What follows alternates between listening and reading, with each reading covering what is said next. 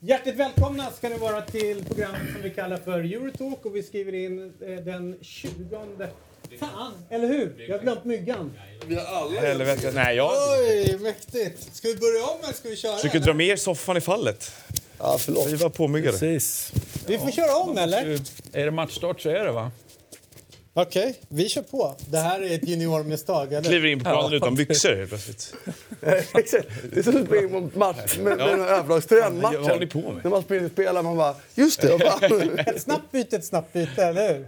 Ja, så är det. Nej, vad fan, varför, apropå byten, varför kan spelare fortfarande inte idag sitta förberedda med benskydd, strumporna uppdragna, marscha på och sko, fotbollsskorna knutna? Varför För är det de är så? Varför kan inte du sitta bortklemade. färdigt med mick? Nej, Jag my- myggar på mig. Ja, eller hur? Men jag, det var aldrig problem för mig. Nej, i. Jag var klar i tid. Bra surr, bra snack. Det är den 20 dagen, första månaden, är det nya decenniet, Christian. Ja du. Som Här händer det börjar grejer. rulla på. Det händer intressanta grejer i Spanien, det händer fyra grejer i Italien, det händer grejer i England. Och i Eh, världen. Och i världen. Eh, Händer det kanske inte så lika jag- fina grejer, men intressanta grejer. alltså mitt hjärta gråter ju över fina Beirut, att det är stök där nere. Jag gillar ju varken Beirut. Ja, jag håller med, Libanon känns ascoolt, men jag har aldrig varit där. Men det, det, det står på den här, alltså, jag är väl för feg för att åka helt enkelt. Men, Äh, men jag ska till Bekadalen förr eller senare. Jag Är det där man åker ut för eller?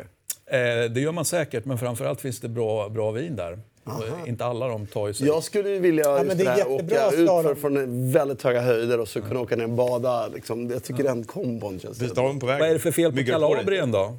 Kalabrien? Har de bra Ja. utfrågningar ingen aning. Alltså min polare har bott där nere i rätt många år nu och han... I Beirut? Ja visst. Eh, och det är lite lika sjukt varje gång när han förklarar att på förmiddagen har han varit och åkt skidor och sen så ligger han på någon strandbar på eftermiddagen. Det låter ju bra faktiskt helt optimalt. Eller? Exakt, Det man är ute i backen sjukt, när det alltså. öppnar på morgonen, åker hårt som fan fram till lunchtid, tar och slänger någon mat, sen åker man ner och lägger sig på stranden. Och så massa skön mat och massa, och massa skön Dessutom, dryck exakt. Ja, Det, det, vi slår ett slag för Libanon. helt Så- enkelt. ja, vi slår ett slag för Beirut och. Bekadalen och whatever. Utan att någonsin ja, varit ja, där. men jag är påläst. Ja. All right, fan vad kul att, eh, att eh, det här fick er att gå igång eh, lite grann med, med, med och jag hoppas att, det, att ni där hemma går igång också. Vi får tacka för härlig feedback när vi var tillbaka och Emil Nilsson, du, det kommer en, en, en hoodie på posten till dig. Du vann ju vår utlottning. Det handlar alltså när vi lägger ut programlänken så ska ni retweeta den. Och det är samma tävling den här veckan och då är den här som är en annan färg men fortfarande då äntligen måndag som på något sätt är vår eh, lilla devis här i, i Eurotalk.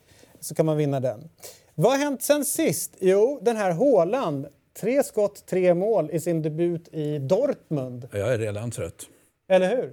Och- Jag gillar ju inte honom riktigt. Nej, inte jag Men- heller. Varför gillar du inte honom för? Ja, det finns någonting som jag tycker... Alltså, eller så här, grunden är han är norsk. Ja, men det, får- Alltså, det, vet är, vad- det är inte min invändning. Nej, men det- jag säga. får höra din då. Men Nej, jag jag, bara var ganska all, dålig. En allmän Nej. feeling bara. Nej, men jag, gillar inte, alltså, så här, jag har inget problem med norrmän egentligen.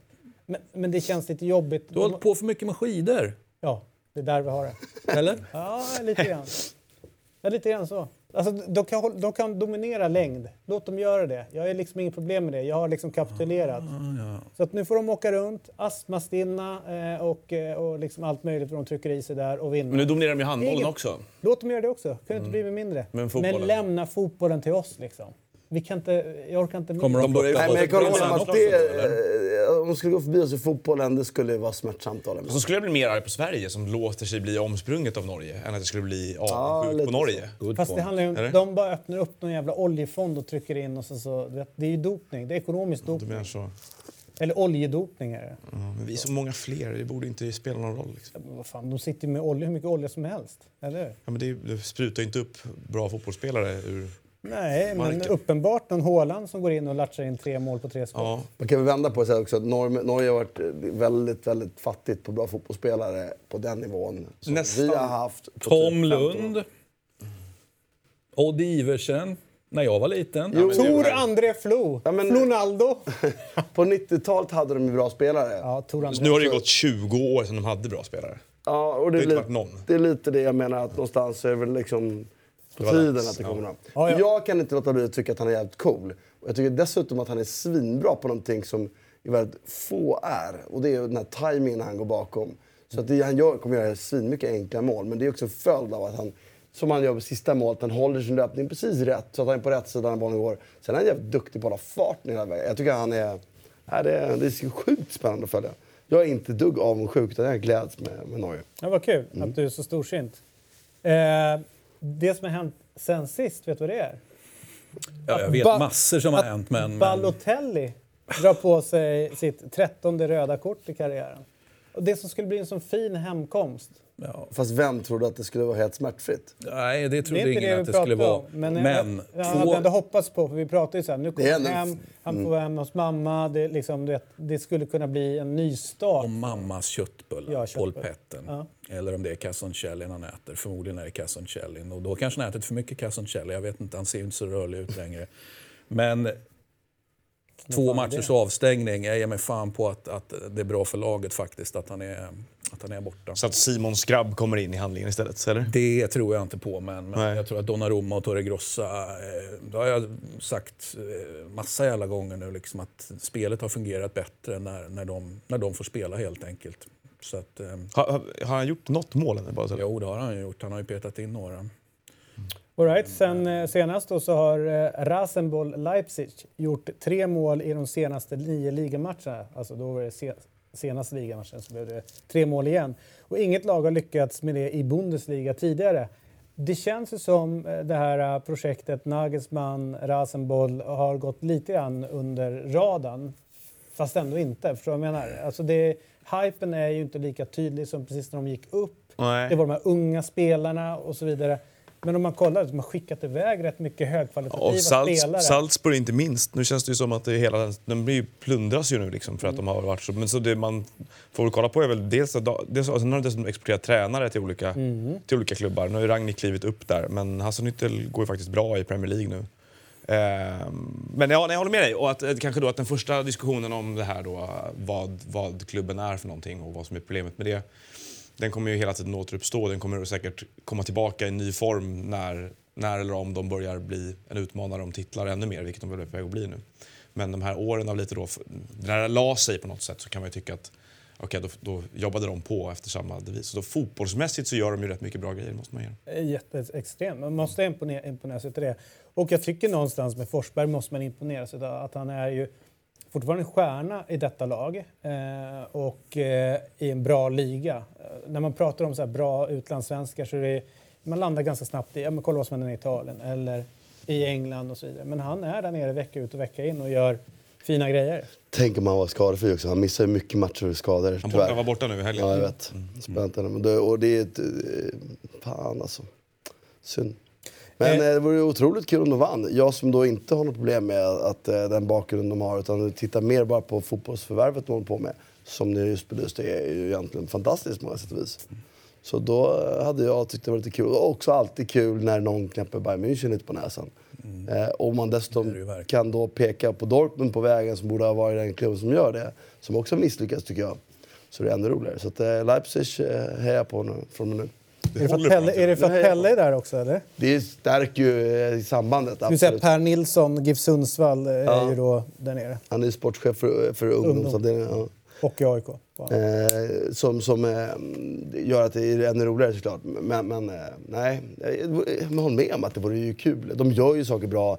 Det bevisar att, att kunskap om sport är ändå det centrala. Liksom. Ja, Jag har ju för mycket problem med... med alltså, det är ju klart att, de, det är klart att huvudpoängen med det är fortfarande marknadsföringsbiten. Och det, jag har problem med klubbens liksom, natur på många sätt. Jag tycker inte om den utvecklingen. Jag vill inte ha dem Red Bull mot McDonalds i Champions League-final. Det känns konstigt tycker jag.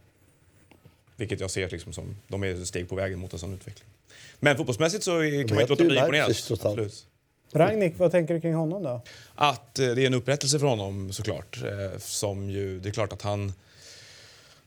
Hans liksom värv under åren med Hoffenheim och de här sakerna togs ju på allvar och han fick mycket rättmätigt beröm för det men sen hamnade han kanske lite avsides. Eh, var aktuell för olika liksom, tekniska direktörsjobb och sportchefsjobb i England en period, var ju nära att gå till West Bromwich. Bland annat, jag tror att Brighton var ute efter honom precis i samband med att de tog eh, Dan Ashworth som, som teknisk direktör nu också.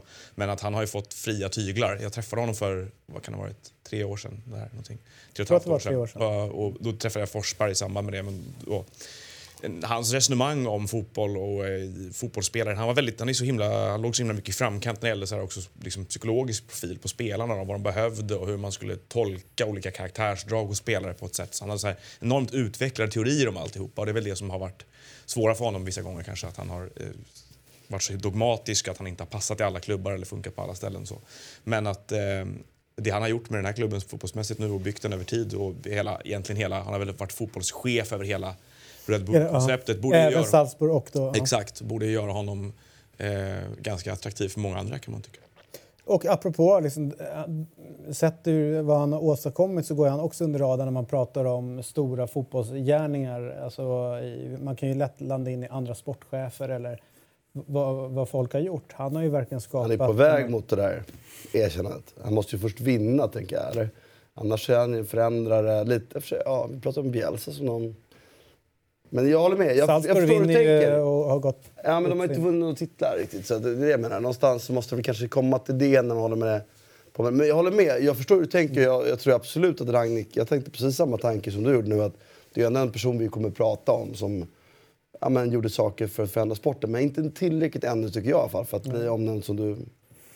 Men det är subjektivt. Ja, alltså, absolut. Det är hela sportens natur. Men ska man då, vi pratar om att man kan imponeras av det fotbollsmässiga i, i den här Red Bull-koncernen då, så är det ju honom man går till på något sätt. Eller jag gör det i alla fall. Det är ju fortfarande han som håller i trådarna. Så att han ska ha allt, allt beröm. Det som är roligt tycker jag också nu när de eh, plockar in Nagelsmann.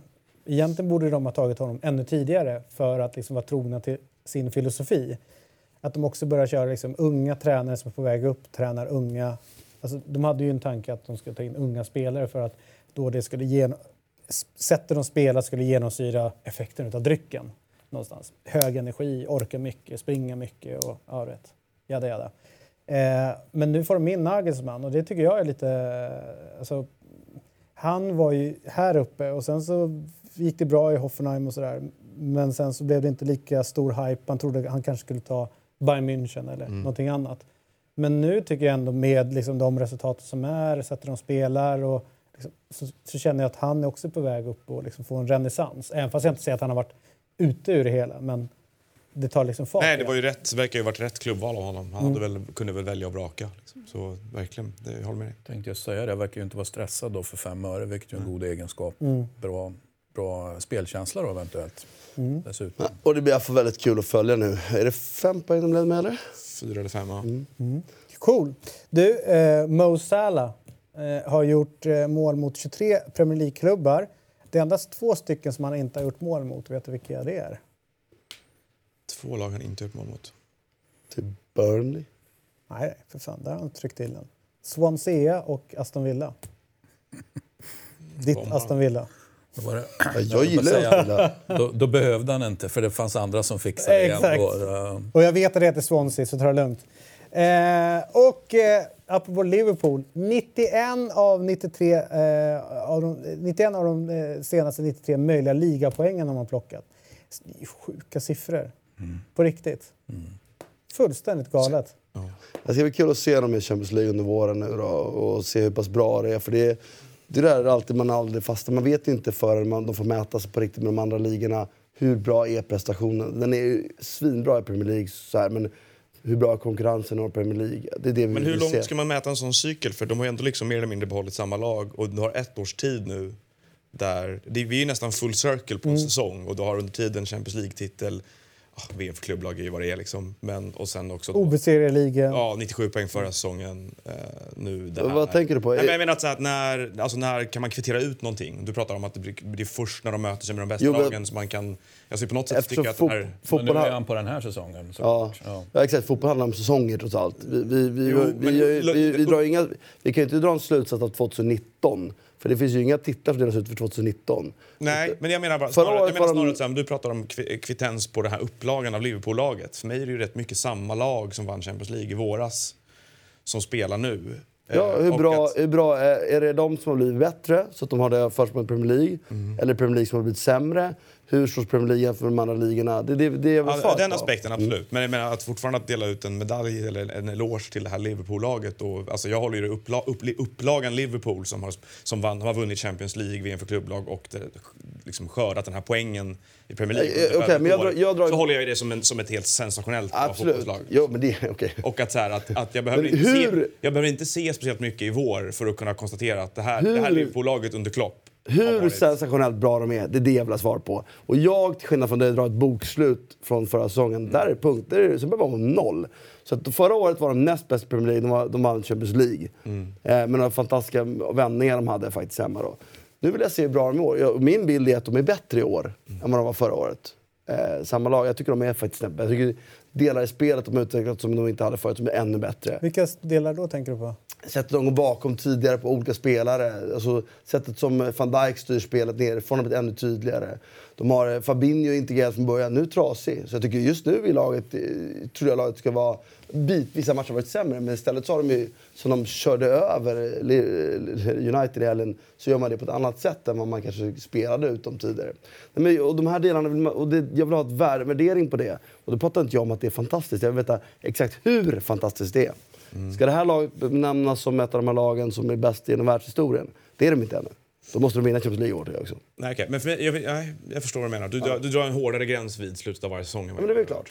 jag. Jag, jag vill titta mer på upplagan av Du laget. kan, ju, du kan ju kajka ur under andra halvan. Det har vi ju, det har vi ju sett. Ja, absolut. Och det skulle väl säga någonting om någonting. Men fortfarande så sådär att man det är väldigt vanligt tycker jag när lag gör bra prestationer. Då kan man prata i kortare perioder när vi pratar om Liverpool nu. Men att man hela tiden snackar om att då kommer testet hela tiden. Att, att ingen prestation gills liksom under, under en viss tid. Och det, i många fall håller jag med om inte det. svart Sådär. eller vitt. Nej men att, sådär, att, att det, där, det där kan pendla lite grann. Och jag, just i Liverpool-fallet nu och Klopps Liverpool, det laget som har spelat sen, egentligen håller jag det nog tillbaka till början av förra säsongen, att, sådär, att det är en och en halv säsong av extremt hög prestationsnivå när de har skördat Ja, det måste ju vara liksom poängskörden, du sa 93, 91 och 93 nu, men om du går tillbaka till början av förra säsongen så har de inte förlorat många poäng överhuvudtaget heller. Eh, och plockat Champions League-titeln på vägen där då och vunnit VM för klubblag och kom, tog 97 poäng när Premier League-säsongen var slut förut och leder med den här poängskörden nu. Jag kan paketera ihop det till att säga någonting om den här upplagan av det här Okej, klubbaget. och säg vad det är du vill säga då, för det är... Nej, att, att, eh, för det, var väl egentligen då, vi menade olika saker. För när du började sa du att ja, det skulle bli kul att se exakt hur bra de är nu när de går in och möter dem. Först när de möter de bästa kan man. Dra då pratar du om Liverpool 1920. Exakt. Ja. Då är jag med. Spännande. Eh, det är ju januari och då brukar ju folk eh, vilja liksom vässa formen. Eh, och då dök jag på den här bilden på nätet. Eh, här är ju en, eh, en mustig torso får man ändå säga och överkropp. Han besitter denna... Ser det inte Christian. obehagligt ut bara? Ja, det Och det här, det här lite lätt galna leendet, det, där, det är ju, det där är, Ja, det- det är ju en psykopat. Det- det- vilket vi kanske har konstaterat. Alltså det, här, det här är ju liksom sinnebilden vad Bret Easton Ellis hade i huvudet när han skrev sin här American Psycho ju. Det kan inte bli mer psycho än det där, eller? Och det är nu du ska säga då inga övriga jämförelser. Eller, eller alla övriga jämförelser. Ingen aning. Jag vill inte säga någonting om det, för jag vet inte det. Jag säger, att, jag säger att det är fullt möjligt. Ja, nej, men han, eh, Bra rubrik. man får ändå säga att han har en, eh, en fysik som inte... Vad är han 34 år, va? Eh, så, som inte den vanliga genomsnittliga 34-åringen har. Men börjar inte Och- benen bli lite... Inte lika, om man säger, smattrande? Fast maxhastigheten är uppmätt nu så ligger han ju fortfarande topp i världen. Han är ju otroligt snabb. Men jag håller med om att reaktionsförmåga... De första stegen? Ja, då? för det är också det som jag tycker folk, man ser med Zlatan. Men många som stirrar sig blinda på att den här maxhastigheten han hade är fortfarande väldigt snabb. Men det är, ofta, det är ju inte det som blir problemet när man blir äldre. Utan man, blir lite, lite, man tappar lite, lite acceleration. Nej, man är grym fysik fortfarande. Men jag undrar om inte Salas torso ändå var ännu mer rippad på ett naturligare sätt. Eller? Ja, det var, jag håller med. Den kändes så jävla... Hans, man var sån här Hulk. Han är ju spänd där. Så, du vet, han sitter ju... Ja, men jag läste något här. Jag tror, eh, det ser inte ut som att han står i någon form av lite. Ja, exakt. Men han, Ja, jag läste också hans eh, liksom daily routine och, och liksom hur mycket han tränar och, och liksom håller efter sig. Och det var efter den här, eh, även den här dokumentären runt honom, hur mycket han, liksom, han simmar. Och Mm. det, det, jag gillar på något sätt att han ser kroppen som ett verktyg fullt ut. Liksom, och liksom, Han kan sin bibel. Kanske det. Eh, och eh, sen apropå Ronaldo, jag tänkte vi ska liksom gå på. Det, det blev ju, den här blev ju årets lag eh, förra året och då är ju Ronaldo med. En ganska oortodox 4-2-4. Sen dyker det upp att det här är manipulerat lag, detta Team of the Year. Därför att egentligen skulle Kanté varit en del av laget och inte Ronaldo. Men då skruvar de om eh, formationen så att Kanté inte fick plats utan Ronaldo skulle in där istället. Och, och är du förvånad? Nej, men jag tycker det är roligt. Ja, det är jätteroligt och, och såklart pinsamt på alla sätt och vis. Men, men det, det här är ju... Varför är det pinsamt för? Ja. Att bli påkommen då är pinsamt för Uefa i det här fallet. De borde ha gått ut och sagt att de gjorde det. Jag, tycker, jag, Saker och ting kommer alltid jag, fram förr hör, eller jag hörde senare. till dem som tyckte att det är rätt att de gjorde det. Jag blir lite förvånad att det är viktigt för honom. Han, vet inte han att han är rätt bra? Du? Han har Nej, förberett sig Nej, för men emellanåt uttalet så- på den här unga katalanen. Ricky Puig. Ja, vil- vilket ju hela tiden låter som Ricky Bruch, eller hur? Kanske. Ja. Jag tycker bara viktigt Kan att kasta in det emellanåt. laget igen? För jag tyckte ju ändå så här, när man tar ut här lag, vilket är alltid, så ska ju de bästa med. Man ska inte tänka på balans och man ska inte tänka på lagdelar. Så det, det är väl rätt. Va, va, jag, jag måste erkänna att det här har gått mig förbi, för jag har inte varit så jag Har man röstat fram det här? Eller vad är det? Eller, Mm. ja. Ja, och, då, och, då fick, och då fick Ronaldo tillräckligt många röster för att vara med egentligen. Men det var, ingen, det var en forwardslinje med tre spelare. Ja, han var fjärde. Jag tycker väl- Kanté då skulle då blivit en, han skulle bli nästa. Vilket hade varit befängt om han var med för Team of the Year för Uefa, liksom, tycker jag. Ja, det kan jag hålla med om. Jag, ty- alltså jag kan känna så här, nästan lite, för, för, bara för att N'Golo Kanté är så snäll och är den här människan han är, så är det så typiskt att om det är någon som ska offras, äh, vi tar bort Kanté. Det kommer inte ringde bli säkert honom något, det kommer inte bli något Han bara, större. "Ja, Ja. ta bort Det mig! är lugnt. Det är lugnt. En bättre nyhet hade ju varit att Ronaldo försvann för att Kanté manipulerades in. Ja, det, för då hade, Då hade, man ju, då Ja. hade han ju haft lite, alltså, Men han är så nya jätte- nyanser av N'Golo. Men det är ju eh, ett, ett, eh, en samling av väldigt, väldigt bra fotbollsspelare, får man väl säga. Tycker du? Sticker ut hakan? Ja, verkligen. Ja, verkligen.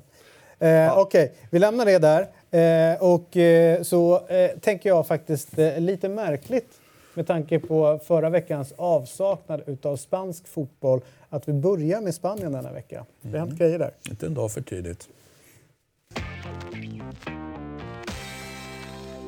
Är det fest där ute? Ja. Undrar om de... Crowd eh, pleasing. Om alla är tysta nu så får vi namnet på... Ricky Puig. Ricky Puig. Kommer den till? Väldigt bra att dela programmet just nu. Ricky Puig. Det är så han heter. Den, eh, får man säga, är den stora påläggskalven i, eh, från La Masia som plockas upp eh, i, i Barcelona. Men de, de mötte ju Granada igår och det blev ju en, en seger bara med 1-0. Mot tio man i Grenada. Efter rött kort, märk väl. Och det andra gula ska man väl ta att säga var... var inte så gult, nej. Det var inte solklart i alla fall. Man hade ju, om vi säger så här, hade, Det var ju inte fel heller. Kortet, om vi inverterar saker och ting hade ju inte det varit ett gult och ett rött. Men någonstans så har vi ju då, det har ju hänt grejer. Vi satt ju då förra måndagen och sa liksom så här, oh, det kan nog bli ett, eh, en, ett tränarbyte, det börjar röra på sig och rätt sådana saker. Eh, och eh, det blev ett byte. Noah, vad, vad tänker du Det var väl Noah som sa det medan Martin och jag sa att, att byta under säsong, det är ing, det, det, det, nej. Men det var väldigt nära då också. Det var, man, trodde, man trodde kanske inte det skulle bli Kickset igen som klev in. Utan de hade fått nej från Xavi och det ryktades om Pochettino och lite andra grejer. Men jag tycker, inte, jag tycker det här känns som en eh, ganska okej lösning för dem just nu. Jag tycker inte att det är fel alls. Utan det är klart att han liksom...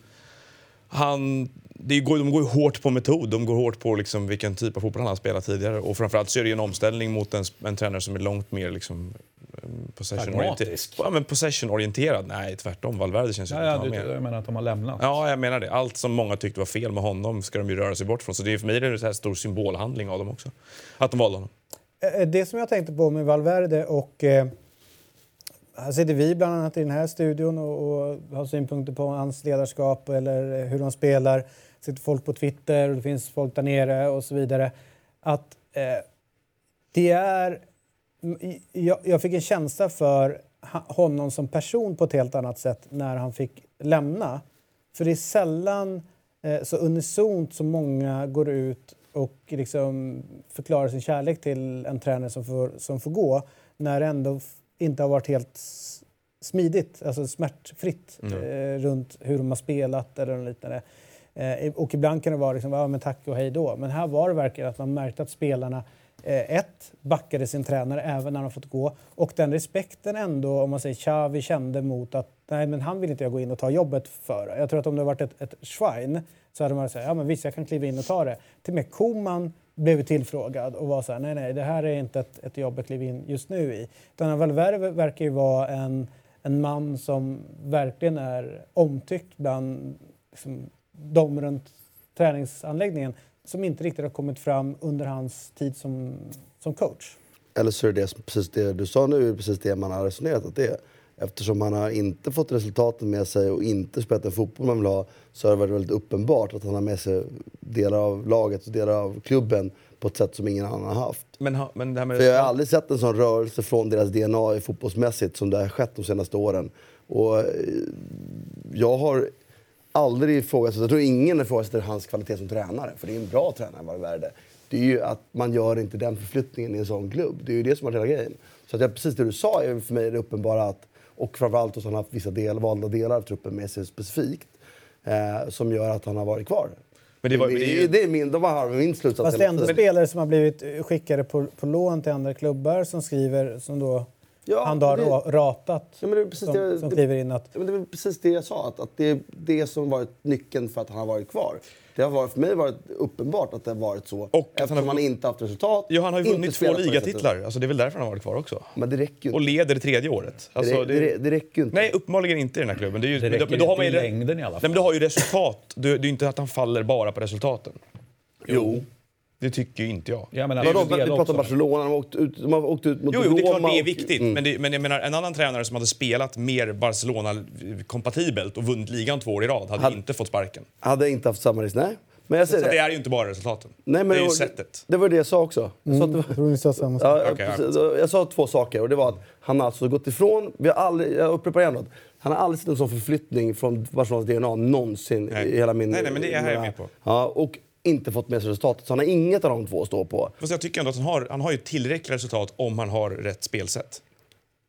Nej, det hade inte varit tillräckligt. Det hade varit okej. Du tror att om Pep hade vunnit ligan två år lätt tredje året, men åkt ur Champions League, men spelat mer kompatibelt med klubbens DNA, Det så hade är- han fått gå nu också. Det är ett extremfall att välja Pep just. Men vi har ju historia av att, att både i Barcelona och Real Madrid att man får gå som tränare om man vinner ligan och inte går bara Champions League. Så det är inget unikt. Det har hänt förr. Nej, men jag tror bara att jag, Och jag, jag Det är ju jag bara, sättet de har fallit och i Europa på. och- och lägger- exakt, det och- som är... och det är det som är övervikten. Ad- Adderar du det som hur de har fallit så är det ju liksom... Då är jag helt säker på att hade, det var Jag menar, Pep var inte ens kvar det året de föll mot Nej, men, alltså, jag- jag Pep inte vann ligan och de förlorade Bayern München stort, då var inte han kvar året efter. Självvalt. Men, det, men det är det jag menar. Alltså, det är, det är, för mig är det en kraftig övervikt på spelsätt här, snarare än resultat. Fast det konstiga är, i början han tog över så stod ju folk och jublade och sa titta nu har de fått in en tränare som spelar mer rakt, de är mer liksom direkta, det är precis det här de behöver eh, och så vidare. det är och sen är det det han faller på sen. Nej, jo, men, eh, nej. men, men, men det kan ju vara så att där och då behövde de kanske en, en, någon slags uppstyrning. Ja. Men, men sen har han tagit det för långt down that road helt Du enkelt. menar att det är Hamrén vi pratar om? Men för att du, du, du pratar ju om, eh, alltså, eh, precis som Christian säger, det finns ju olika behov och olika tillfällen. Och vi pratar om relativa grejer också. När han tog över så var det en helt total avsaknad att spela direkt. Eh, och det går ju inte heller. Så att, att när han kom in och, höll, och de var skolade i det gamla, då var det en fin blandning. Jag pratade om det tidigare. Att man ser ofta inte, första halvåret med en tränare kan det vara perfekt. Sen när den här grunden som inte finns kvar, då ser man hur det faller. Medan vi har Ancelotti och, och Nab- Visst, det här ser vi om och om igen. Och det var ju det som hände. Och varje år som gick så blev det mer, mindre och mindre Barcelona. DNA. Och jag och ganska många andra som har Barcelona tycker ju att, att det är oförlåtligt att, att lämna spelstilen. Det får man inte göra. Man får tweaka på det. Man får inte gå så långt ifrån den som det har skett de senaste åren. Och speciellt inte med det material som Barcelona har haft. Som dessutom är bland det bästa Barcelona någonsin har haft. Jag hade större förståelse för att de inte lyckades under början av 2000-talet. Eh, även om jag inte gillade det så hade jag större förståelse. Truppen var inte så bra som den är nu. Så att jag, alltså, det här är inte en sekund för tidigt tycker jag. Eh, och det tror jag att Valverde skulle ha åkt efter Roma-förlusten. Det var ju sjukt. den. Och sett igen har jag ju pratat om som den intressanta... Jag, jag, jag vet inte om, jag lite, om han klarar av det här. Men vi har pratat om honom här över ett års tid som den perfekta lösningen. Någon som för tillbaka dem i alla fall. Och jag tycker att Berätta nu för de som inte har koll på, på Kiki Setien. Nej, men det som är intressant nu att det blir perfekta... För att, här, det, att det är en tränare som har en filosofi som bygger otroligt mycket på, på metoden att hålla i bollen. Eh, det har ju visat sig. Och, och det kommer att tillfredsställa en stor del av, av, eh, av de som håller Barcelona. Men det kommer inte räcka över tid heller. Som Noah var inne på, att bara spela possession-fotboll och spela vacker fotboll utan att vinna någonting. Eh, det är mer acceptabelt än det som har hänt tidigare, men det kommer inte heller räcka. Och jag är inte säker på, för det är en väldigt stor skillnad att implementera en metod i Real Betis med de spelarna och göra det i Barcelona med de spelarna. Inte för att det är svårare rent met- metodmässigt, men det är mycket svårare ledarskapsmässigt att få och leda Messi, och leda Suarez, leda Griezmann, leda Dembélé än att leda spelare i Betis. Har han den karisman internt då, vad har man karisma utåt? Det vet man ju aldrig. Men det är inte spännande. Men har han den karisman? Det vet jag inte. Och samtidigt kanske Men det här är väl det perfekta tillfället? För nu, Ja. kan, nu så här, Och nu får vi dessutom- testa Jag håller med, det är helt, det är helt Men perfekt. frågan är om det är ett perfekt tillfälle. Jag tycker kan man vända och vrida på. För jag menar, det är ju ett generationsskifte här också. Sen om det underlättar eller inte underlättar. Vi ser ju slutet på Men prat- har, har Jag pratar om sett- testet för honom. Ja, han, exakt. Du, för jag menar, nu har han ett halvår är på sig att implementera idéer och visa det här. Skulle det inte funka, och då skulle det ju falla och man skulle inte se det här. Då är det perfekt. Då byter man tränare i sommar igen och så har ingen skada skett. Ingen större skada skett. Men, det, men jag menar, jag håller med dig precis som du säger. Uppsidan av att ha Barcelona med eh, det här spelsättet då, som man har är att det svåra för många tränare är ju inte att då klara speluppbyggnaden fram till sista tredjedelen utan det är ju därefter, att de ofta blir sterila med bollen. Här har han ju ett lag där spelare kan göra skillnad på individuell basis mer än i Betis också, vilket han kanske kan få ännu bättre resultat med Exakt. sig. All kritik vi hade mot honom, Betis är ju egentligen irrelevant där. kanske går upp i rök här. Så det, på det sättet ska det bli intressant att se. Alltså, kan han bli utbailad de gånger det låser sig av spelare som hjälper honom? Som, igår. För det ska vi säga, igår, det, är- det är inte så här, det är ju ingen väsensskild spel. Det är som han själv sa efteråt, det är inte mycket som ska ändras. Eh, det man såg lite igår, det var ju dels den här vridningen som man ser här när de hade bollen. Eh, men det är också sättet de agerade när de blev av med bollen. De var ju aggressivare högre upp i banan. Men där har han också ett problem som Valverde ska ursäktas för lite. Att, jag menar, har du Messi, Messi väljer ju själv när han är aggressiv. Det vill säga, det är inte alltid han är aggressiv och då får andra jobba för honom. Eh, Så det ska bli intressant hur det faller ut över tid. Men den såg man lite och så såg man ju bollinnehavet som visserligen då blev lite dopat av en utvisning. Men vad var det? 82 eller 83 procent. Eh, och det var delvis lite sterilt. Man Ja, eller exakt. För Men det kan han ju vissa, få jobba med längre än en vecka. ja exakt. ja, men vissa delar av matchen så, Skador på spelare också. så var det, tycker jag, att det blev... Ja, men du vet, det pågår ett handbollsmästerskap nu. Eh, då satt man så här, fan har jag fått landat in i, i en handbollsmatch? Alltså det var väldigt mycket sida, sida. Plötsligt och, så står Norge. de, och så står de... Eh, det. exakt, så en jävla norrman som dyker upp och vinner. Eh, och så står de precis utanför straffområdet och håller ganska bekvämt sådär. Det, det är liksom... Visst, det är ingen Suarez som kan sträcka eller ja, och så vidare. Och, Och så vi vidare. satt ju där och saknade Suarez, eller hur? Jag saknar Suarez. Det gör vi alltid. Det, det, Så det, Sjukt underskattade här i Sverige fotbollsspelare. Okej, den jag här... ska säga det, det är inte bara Suarez, det var också Frenkie de Jong var avstängd. Ja. Artura var, var skadad, så kom tillbaka på bänken. Eh, det var ju spelare, och Dembélé som också är en mönsterbrytare att använda. Eh, så det saknas ju fyra, fem spelare som ska gå in och kanske göra skillnad. Och, och med en veckas träning som Noah är inne på där så kanske man... Men var det någon crowd pleasing här med... Eh, Push. Ricky, push. Ja, men det var det väl. Eller jag, jag upplevde det lite som. Det är möjligt att han, men jag, hur mycket har han hunnit inventera allt under sig och kände att den här killen har inte fått till speltid. Jag tror bara att det var för att markera någon sorts sådär... Eh, men vad hade, han mer, vad hade han mer att tillgå då? Det var ju skador och Ja, det är möjligt att det med det göra också. Men man kan ju lätt tolka det som att en liten, också en liten symbolhandling som att så här, eh, en introduktion av ny era. Nej, men det- Jag kommer kolla på våra killar lite bättre. Mer. Men snacket var ju när han, när han tog Politiskt. in och sådär, då var det ju att direkt så eh, började man prata mer om Ricky Push än vad det var under Valverde. Eh, och att verkar som inter, internt i, i Barcelona... Kan du inte säga en gång till? Ricky Push. Ricky Push. eh, nej men, internt i Barcelona så verkar de ha pekat mot honom och sagt okej vi har, vi har Ansu Fati och vi har den här Ricky Push. Båda borde få liksom, chansen ordentligt. Det är bara en som har fått chansen ordentligt. Eh, och Vilket ju är kritik mot Valverde då. Ja, det är det jag menar. De finns Och då internt kommer han- och de pekar direkt och säger hej, Valverde har faktiskt inte spelat honom. Eh, Exakt. Och eh, jag tror att det, det, det är... folk gillar honom. Och jag förstår varför folk gillar honom när man ser hans spel. Visst, eh, han är 1,69 lång. Det är en, det är Frisyren då? Ja, men allt. Men jag gillade allt med honom på ett sätt. Och jag vill inte dra några stora växlar och tro att han kommer bli nästa Messi och sådana saker. Men det är väl klart att det är lite kitt- kittlande tanke med storleken, sättet som han behandlar bollen Som är en på. gäst eller? Ja, men... i- Förlåt, förlåt. Det är bara att en egen produkt som kommer upp från La Masia och är Mm. lite för liten för att folk tror att det ska kunna funka. Jag tror inte att det kommer bli lika bra som Messi. Men det var häftigt att se hans sätt hur han läste, löste situationer, läste spelet, vilka ytor han sökte sig in i. Och sen blev han ju faktiskt manhandlad några gånger och tog det ganska bra. Vet, så här, borsta av skiten och sen så köra på det. Så att jag förstår varför de ville få in honom och titta på honom och jag blev väldigt glad över att få se honom. Eh, Det är väl... Vad kul att du är glad. Ja, men det är häftigt. Och, och vi kan fortsätta att säga Ricky Push. Ricky Push Ja. hur mycket som helst. Jag kan inte låta bli eh, från det ena till det andra och, och, och ta italienska glasögon på mig. För mig är det här exakt, motsvarar det precis att, att sätta Seman i ett randigt lag för mig. Att, att Seman eh, under en viss period skulle ha fått Inter, Milan eller Juve när alla de tre liksom var som bäst. Verkligen. Absolut. Alltså, Tänker så, Exakt. Jag, jag ser, Tänker du med all respekt för Setien, men, men sån total eh, dogmatisk sa du tidigare om någon annan.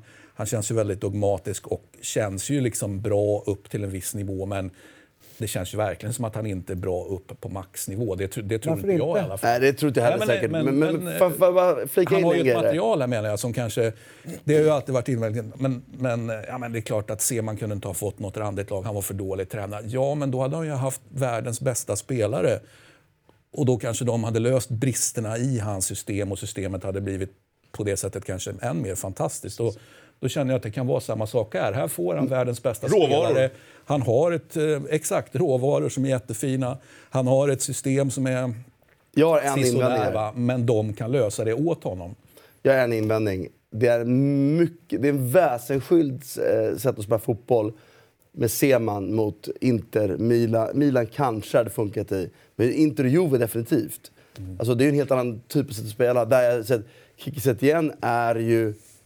Han är ju Barcelona, han är ju Cruyff-född. Och det är bra att du säger inte då, för vem var mest förtjust av de här presidenterna i, i, i, i. Zeman? Det var ju Moratti. Han älskar ju Zeman. Men Moratti att- var ju en drömmare.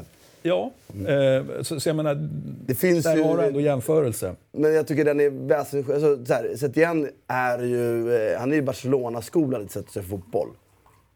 Han, hela hans ins inspirationsbas kommer från Cruyff. Han är ju, alltså, Men- Cruyff är hans mentor, inte för att han haft Cruyff som mentor, men han mötte, det har jag läst intervjuerna när han, när han berättade om sin fotbollsfilosofi, att han bara jag har spelat fotboll sedan där, så mötte vi Barcelona och Cruyff. Mm. Det var då jag fattade hur fotboll ska spelas. Så att han är ju fostrad. Det är ju inte Seman. Seman är ju dogmatisk mot Inter Juve. Men jag håller Nej, med... Jag ja. håller med får jag bara slutföra? Alltså, Ja. Jag håller med dig om att det är däremot en tränare som man inte vet på samma sätt med ledarskapet om det är en tränare för de bästa. Det kan jag hålla med om. Nej.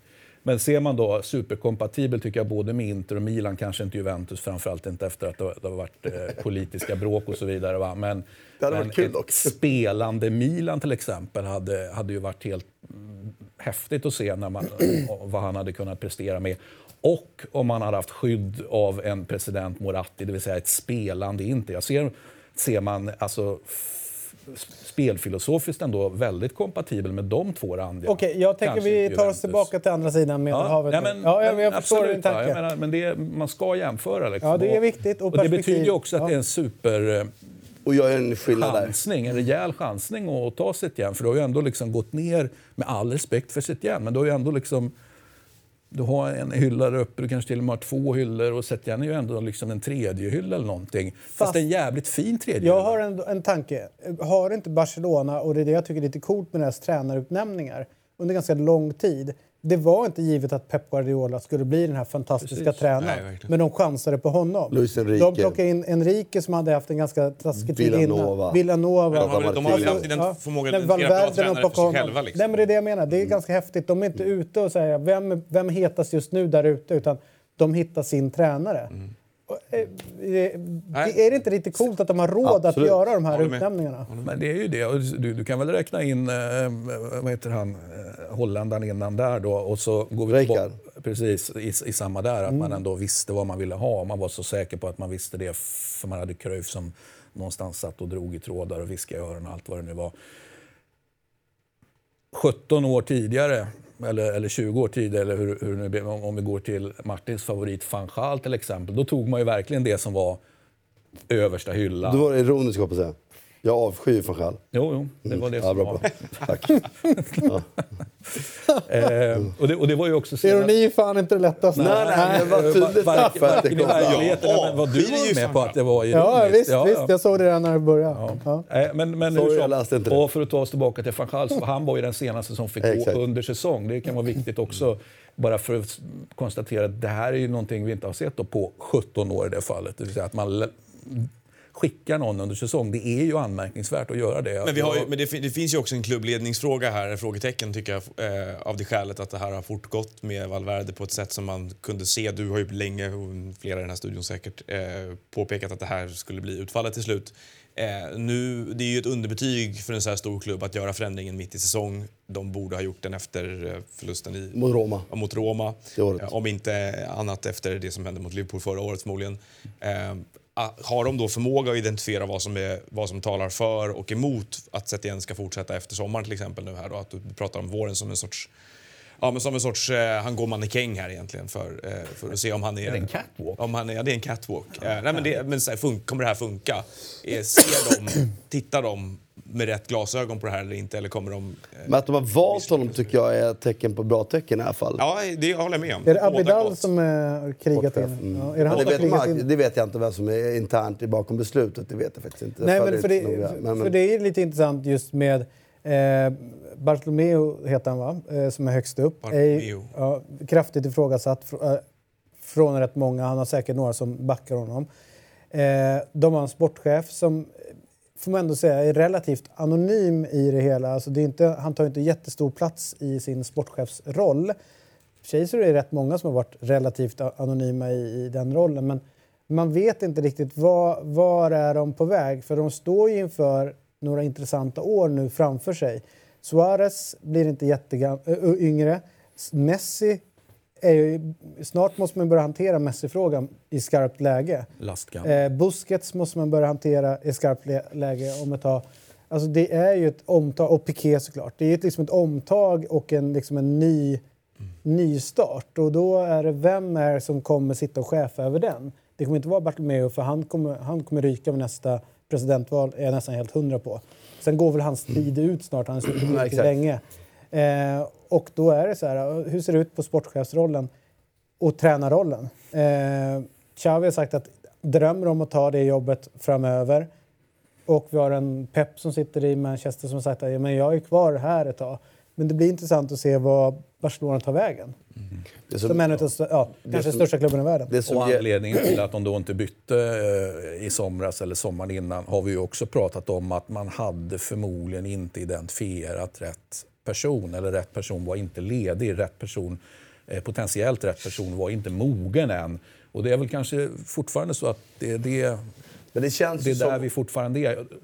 Setien till trots. Jag menar, han är en nödlösning just nu Absolut, och men den- funkar jättefint. Men en nödlösning med ganska lång kontrakt va? Den Jo, jo, men att han har lång kontrakt det spelar inte så stor roll. Det är, små pengar i sammanhanget. För han tjänar inte så, såna pengar. Liksom. Honom skulle man ha tagit för ett år sedan. Det är det som är hela min... eh, Så, Exakt. jag Ja, menar, sent. I väntan på något annat, återgå till er filosofi. Det, det är liksom varit hela min... Jag är inte så orolig för att de ska ersätta Messi eller Piqué eller Busquets. Alltså, det är väl det enda, det enda man vet att de kommer ja, alltid ha råd att ersätta spelare. Eller alltid, förlåt. De kommer alltid ha, alltså Barcelona har ju alltid de bästa spelarna och har råd att göra det. De har varumärket för att göra det. Dessutom så har de ju tagit steg och det kan jag ju så här, liksom på ett sätt tycka är... Alltså om det är någon klubb som egentligen har tagit det här kommersiella, mer än Red Bull-klubbarna, längre, det är ju just Barcelona vill jag påstå. Liksom. På vilket sätt då tänker du? Nej, men om du är i Barcelona och går på museumet eller går Det har ju blivit någonting... De är väldigt bra för de är bra att hålla kvar. jag tycker de gör det på ett sätt som jag kan, jag kan acceptera det. Men jag kan också tycka att det är liksom... Kommersiellt sett så har de, de kan inte stoppa fingret åt någon annan. Det är en, en av de mest kommersiellt drivna klubbarna av alla. De har ju dessutom en väldigt stor framgång och lyft hem försäljning av kommersiella rättigheter som var tidigare låg externt. de kommer ju nå, de är första klubben som kommer nå eh, en miljard euro om, omsättning här nu. Är det inte en miljard? Eller vad säger jag? Är det en biljon? Blir det väl? Ja, en miljard i omsättning Ja. lite. Ja, en, en biljon. Är det inte? De är uppe på 900...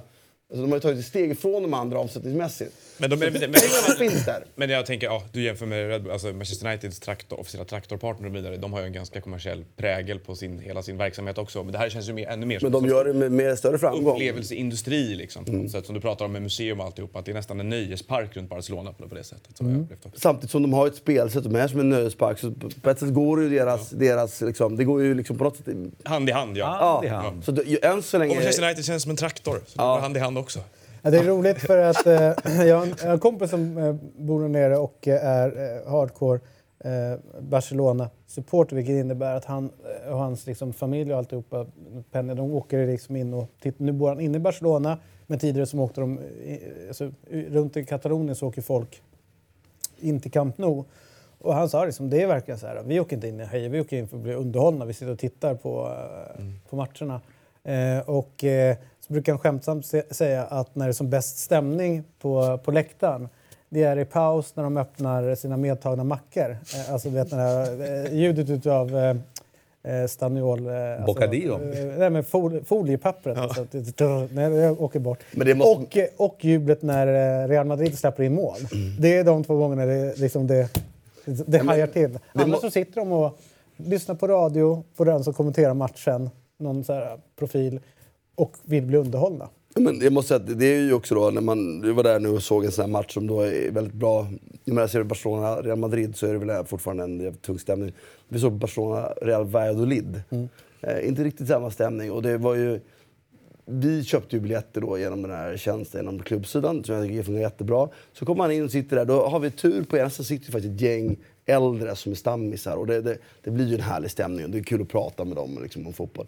Men sen hade vi typ inte, tre bänkrader, liksom tio pers på, på tre rader i rad där det var då är det bara turister som är... Och det, Berättar du då för dem att eh, du träffade Maradona i din ungdom och att din pappa spelat i Espanyol?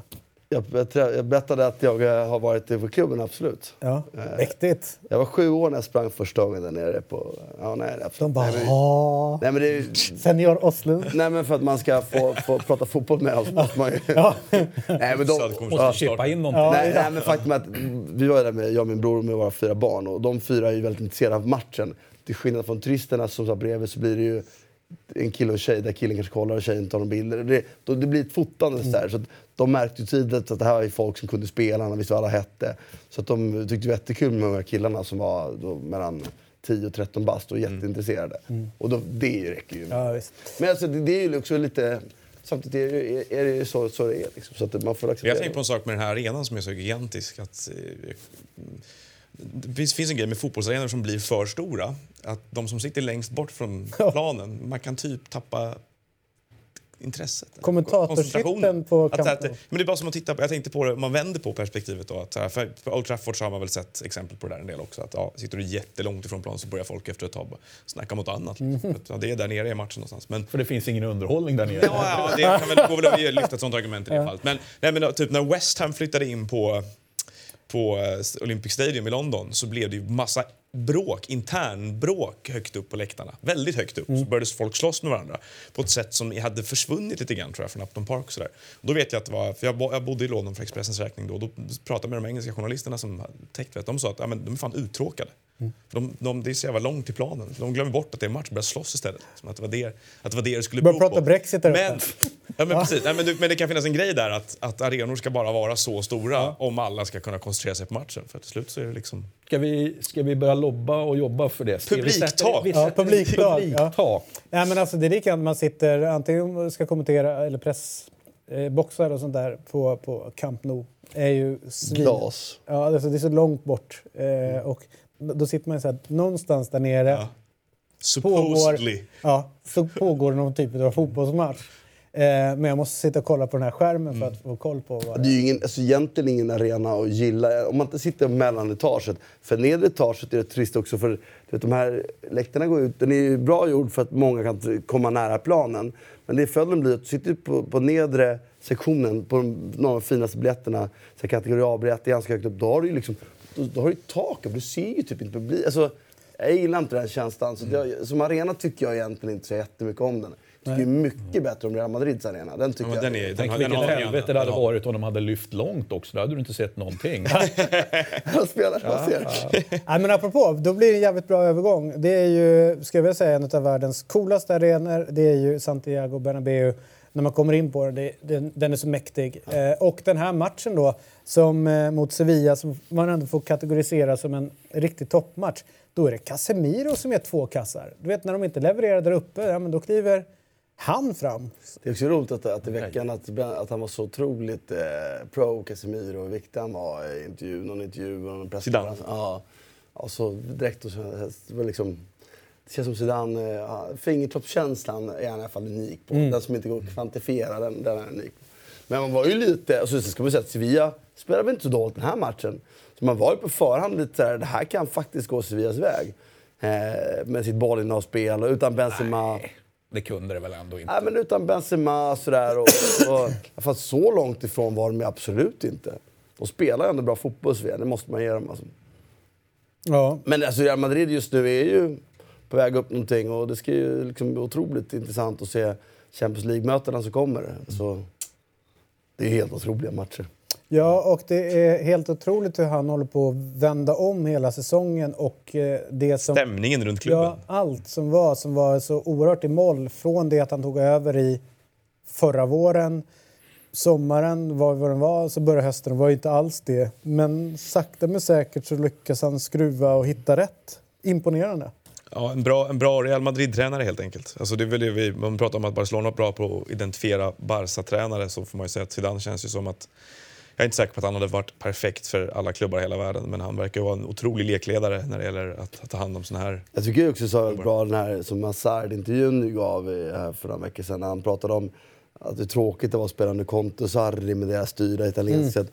Det här med Zidane, allt är fritt. Typ. Då är det liksom, och det var, ja, nej det är väl det. Och till det en viss gräns så ska det vara så. Ja, ja, och med de här typen av spelare Ja. så går det. Eh, Det går inte att ha sånt med andra spelare, kanske då. Samtidigt kan man ju säga att det är ju en fantastisk jävla trupp de har i Real Madrid. Alltså. Och de är, nu får de ju han den här unga mittfältaren från Brasilien kommer väl här i februari. Så de har ju också varit sjukt duktiga på att plocka de här unga brasilianarna. Så, eller sydamerikanerna, men nu har det varit brasilianare. Så någon av dem, Rod- Rodrigo, Vinicius och vad heter han nu då? Renier. Vet han det? Ja, sånt. Någon av de tre blir väl nästa världsstjärna också. Så, så är det ju liksom... Men den som är coolast i utvecklingen är Vasquez, eh, eller Valverde, eh, som eh, under Ja, honom. men det är ju alltså så- den, den såg, ja. Man såg ju inte den, den utvecklingen riktigt och den progressionen eh, runt honom när, eh, när säsongen drog igång. Nej, det gjorde man ju inte. Absolut inte. Men vi ska, nu, nu ska vi ändå ha kravet då på att det här ska se riktigt bra ut under våren också. Fortsatt. eh, Jag, jag är fortfarande eh, återkomstskeptisk då. Va? Men, men jag Va? Håller ändå med om att det ser för jävla fint ut. Och det där, det där laget också. mittfältet någonstans, det får, det får i alla fall mig tårögd. Det har ju fått mig tårögd ganska många säsonger nu. Men, men, vilka, vilka fina spelare det är ändå. det, det är helt Kolla på bredden också. Jag menar, I det här laget nu så är inte Valverde med. Eh, Isco är inte med. Nu är han ju skadad. Hazard är inte där. Benzema är borta. Hazard är inte med. Benzema. Benzema, äh, Benzema är inte med. Eh, Filippe är inte med, som är Ramos. grym. Han har varit grym, Filippe, jag också. Som är, eh, Ramos. Förlåt, inte Filippe. Ramos. Eh, sorry, jag tänker nu på Atletico. Eh, han har varit grym i Atletico. Alltså, det är en, en bredd på en trupp. Vinicius kan de ha. De, de har ju... Ärligt talat är det väl ingen trupp som är lika bra som den på, just nu. På, på, inte ens Barcelonas skadefri är ju lika bra, tycker jag. Så det är ju en fantastisk trupp de har också. Och Bale inte med heller. Och dessutom så... Bale dessutom. Ja, det, det, det är Sjukt. sjukt. Och det, det som man måste ge beröm till, eh, till um, Real Madrid över tid, det är att de har, de har ju verkligen lyckats köpa spelare. Eh, De, de köper ju dyrt spelare. Men de spelare de köper blir kvar länge och levererar värde över lång tid. Det är fan inte många klubbar som har den, den hitraten på, på det. För tittar du på klubbar som har tjänat pengar de sista tio åren. Gazettan hade en jätterolig sammanställning här i veckan som jag bara hann igenom snabbt. Då. Men det var, då är ju Real Madrid i toppen på de, alltså då pratar vi om vinster efter varje säsong. Real Madrid är ju en av de klubbarna som har störst vinster, topp fem i världen de sista tio åren. Eh, vet du vilken som var etta by the way? Som har sålt, som har gjort... Nej, bokförda vinster. Som Bokförda mest vinster. under tio års tid totalt sett ackumulerat. Bayern München. Nej, de var topp fem, men de var inte, de var inte ett och två efter Premier League. Manchester United. Nej, fan. Manchester United låg- de har inga vinster. De spenderar allt. Eh, det är en klubb som köper upp allt. De, de lägger pengarna. De lägger fel bara. Tottenham. Tottenham har tjänat mer klubbpengar än alla andra klubbar. Apropå det vi har pratat om här några gånger. Ja. Fast det får man en låg omsättning dessutom, så procentuellt sett så är de, har de tjänat mer än vad alla andra klubbar har gjort tillsammans. Två är Arsenal, som också har underinvesterat över tid. Så det är två klubbar som har låtit eh, vinstintresset gått före och så har de fått resultat därefter. Och Tottenham har ju klarat en tydlig resa samtidigt, men fattar vad de gått miste om. Liksom. Och nu så står ju de för ett läge som är sådär. Men Real Madrid har klarat av att göra det och ändå få sportresultat. Och en av anledningarna till det, i min slutsats i alla fall, det är att de har, de har köpt dyrt, men de har köpt spelare som har haft dem länge. Och faktiskt då har en trupp nu som är helt... Ja, jag tycker det är fantastiskt. Men hur mycket av deras, hur mycket av pengarna de spenderar på spelare in i A-laget? De tjänar mycket pengar på att sälja sina akademiprodukter hela tiden. Dessutom De säljer ju liksom forwards för 20 miljoner euro hit och dit som aldrig har gjort en match för A-laget. Liksom. Ja, och det är ju I deras också. ekosystem. Ja, men det är ju liksom en bra finansieringsmodell. Absolut. Sen har de väl ganska fina Ja, återköpsklausuler på många på dem. spelare. Eh, Sevilla då, vad, vad tänker ni kring, eh, kring laget, klubben, våren, säsongen? Att det ser eh, ut som ungefär som man förutspådde. De är på väg att kunna nå en Champions League-plats. Eh, de ska ju inte nå, hota de där tre där framme eh, en normal säsong. Så jag tycker de gör en ganska bra säsong. Och det trots att de verkligen inte har satt den här nian, tycker jag bra. Nu gjorde Luke de Jong mål och hade en jättebra chans över det. Men, Men du har varit ganska tveksam till honom, eller? nej, men jag, alltså, det är en bra spelare, men skulle, skulle Sevilla kunna hota Atletico Madrid, Real Madrid, Barcelona, alltså, eller vara uppe och nosa högre upp, så är, behöver antingen Luke de Jong, tycker jag, ta steg och utvecklas. Eller så måste man ha nya. Jag Han är inte så jävla bra. Nej, det är min bild. Det är Han är inte riktigt, här. riktigt, riktigt till där. Så att det, det är verkligen, jag, ty, jag tycker de har gjort en bra sak. Jag tycker att det är en väldigt bra tränare. Om jag pratar om Lopetegui så skulle det absolut kunna vara en, ett Barcelona-alternativ under kortare perioder. Hellre än Valverde. Liksom. Jag tycker att han har ett sätt att spela fotboll som jag gillar mer. Liksom. Så jag tycker att han gör ett bra jobb. Eh, verkligen. Ytterligare en bra, bra tränare som eh, blev... Eh, det blev fel, helt enkelt. Alltså, Hela som valde, fel- eller valde eller valdes fel. Ja. Fel tillfälle. Fel. Eh, Ja, exakt. Och som eh, kanske inte har den höjden. För det är ju som vi var inne på, det ska också manageras eh, Mycket- personligheter. Och det är en, timing, liksom. Men när man tittar nu på tabellen då så är det ju två lag som verkligen dragit ifrån på ett sätt som vi inte har sett tidigare år. Det har ju varit ett tre, treklubbslag. Eh, Och det är då Diego Simones eh, Atletico de Madrid som på något sätt har halkat efter och hamnat på en nivå där Sevilla är där Getafe som... Jag fattar Getafe. ingenting. Alltså det är andra året i rad nu och de, sk- de skulle inte kunna flyga den här säsongen. Det, det, de, det, det är för mycket matcher. Och, Span- Ett spanskt Atalanta. Ja. De fixar det. Men nu eh, tappar de mot Eibar 2-0 i, eh, i helgen då, Atletico de Madrid. Eh, och chock då undrar man liksom vad, eh, vad är det som är problemet med eh, detta Atletico de Madrid? För att jag tyckte det såg jättebra ut i början, alltså precis när säsongen drog igång med eh, Joao Felix in och, och eh, Diego Simone. Jag, eller Diego Costa på topp. Jag vet att det finns skade, en skadesituation, men eh, tankar kring...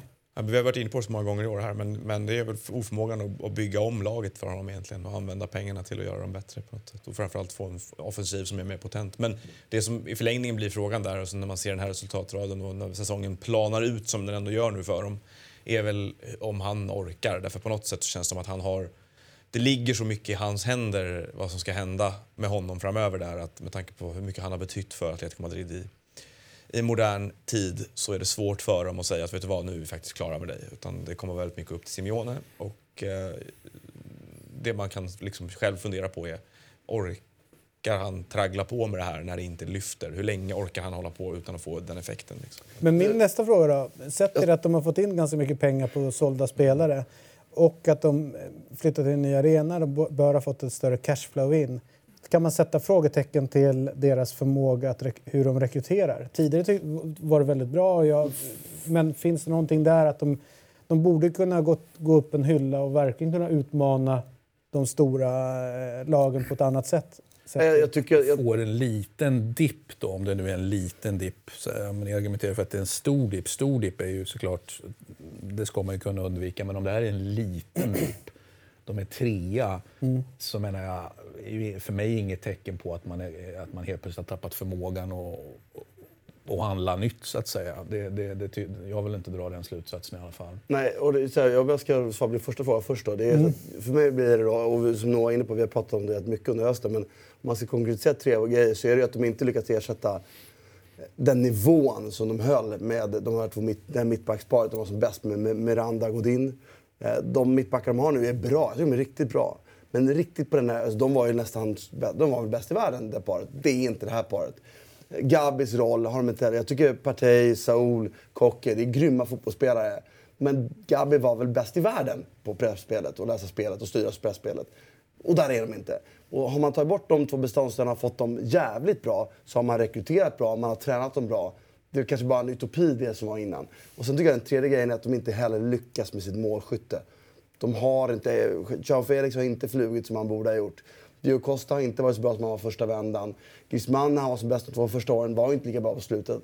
Och, Morata har inte ersatt de målen heller. Nej, exakt. Och då har du tre faktorer där alla tre, de två första, försvarsspelet, backarna, de är jävligt bra, men de är inte utomjordiskt bra. De har mittfält som är jävligt bra, men inte utomjordiskt bra. Och de har får som är bra och inte utomjordiskt bra. Och då är det så här- Morata tycker jag är märkligt att de satsar på. Och- för, ja. Ja, och då, då, då är de ju, precis som Christian är inne på, det är ju egentligen, alltså de är tre efter två lag som ska vara före dem. De är i åttondelsfinal i Champions League. De tar ju sig de här stegen i Champions League varje år. Så det är någon misslyckande varken rekrytering eller i tränargärning tycker jag att det är. Jag tycker bara att... Nej, men jag tänker Nej, jag, snarare jag man inte blickar neråt. misslyckande heller. Utan, Naturlig fluktuation helt Ja, och det var, det var en utopisk kanske en framgång de hade sett det förut. Men jag och där menar jag då att det handlar, det handlar väldigt mycket om Simeone själv. Ja, men jag tänker skillnaden neråt. Alltså man Vill han- skiter i att titta upp då. Men alltså Getafe som är två poäng efter, Sevilla som är på samma poäng. Där borde kanske avståndet kunna vara mer tydligt Ja. sett till vad de Ja, bör det, välja- det kommer säkert vara när säsongen är Och slut. ska jag välja någonting då så tycker jag att det är, det är ju de här individuella spelarna offensivt som inte har varit... Där tycker jag de är längre ifrån i de här andra två delarna. Ja, men det är ju för precis, men det är ju inte Men det är bara, skador och inte det är bara och- det är även när de hade, hade Falcao och Jackson Martinez och de här. De, det var ju mer firepower liksom i det laget än vad det har varit nu på slutet. Och det, det kostar ju poäng. Det är så. Blir så. Apropå på- borde de göra sig av med Diego Costa. Han har varit skadad väldigt, han- väldigt mycket. Ja, länge sedan han såg ut som den spelaren som de hade i första vändan framförallt. Liksom.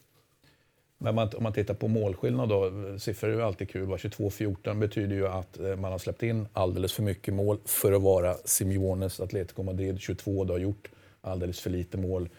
Och att ändå ligga som man gör då när, när man inte presterar varken det ena eller det andra. Det, det, det går att argumentera för att det är ett styrkebesked också. Faktiskt. Ja, jag- Det, det är taskigt att säga att det är mycket insläppta på 20 matcher. Men, det- Ja, tidigare, så hade ju 14... Alltså om, Det var säsong exakt, kanske. Om vi tagit 20 omgångar då har det varit åtta insläppta eller någonting. Det är ändå en tydlig skillnad menar Ja, jag ja, jämfört visst, med visst, säg för ett år sedan eller två år sedan.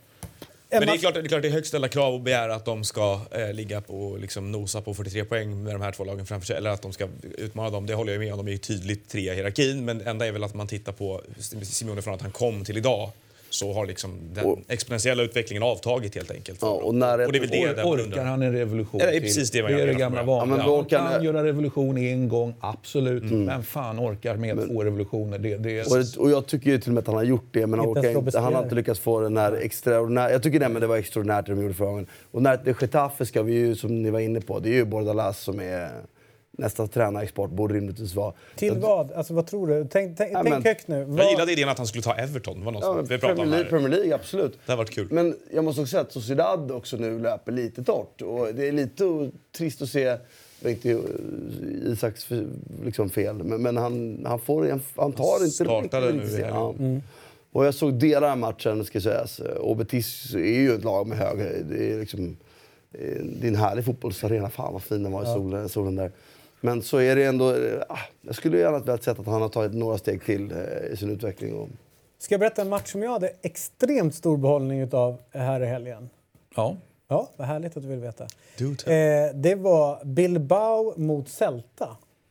jag såg inte ens. Alltså det, det var så härligt eh, grinigt och smutsiga filmningar och alltså allting som jag ändå kan gå igång på eh, av, en, eh, av en fotbollsmatch. Ja, det finns väl Som- en hel del fanns. av det i spanska ligan, eller? Ja, ja, jag vill inte säga att de filmar överdrivet mycket mer där än någon annanstans. Men det var, eh, det var eh, får man säga, fotboll på riktigt. Det var inte, nå, det var inte så att man la två fingrar emellan i 50-50 dueller utan det, det small i närkamperna.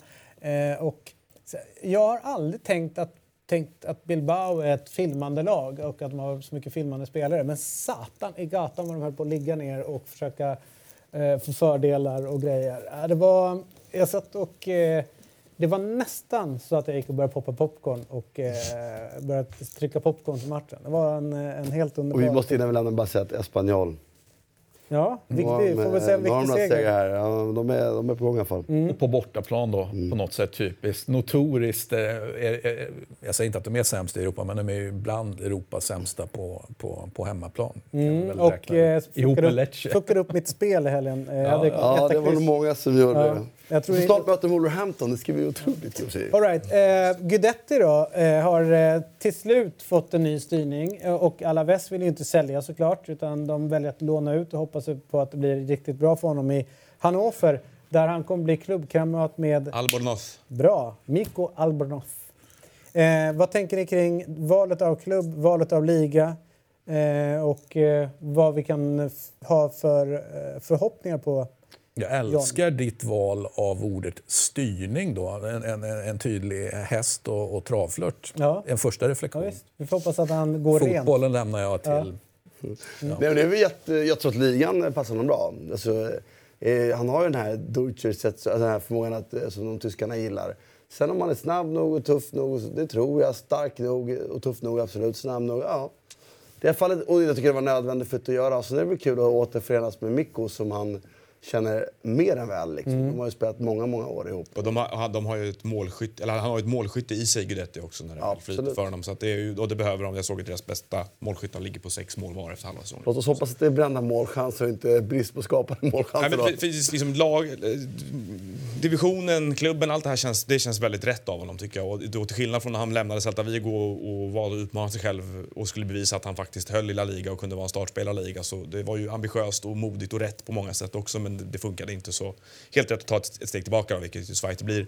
Men eh, Hannover har ju, verkar vara lite struliga. De har väl, eh, var väl Jan Schlaudraff som var sportchef där och fick lämna och de har legat i någon tvist med någon Gerhard Zuber som kom in som eh, ska ta tillbaka sportchefsrollen efter att ha stämt klubben fram och tillbaka. Oavsett så upplever det hände i samma förmiddag som han skrev på tror jag, att eh, den rockaden skedde.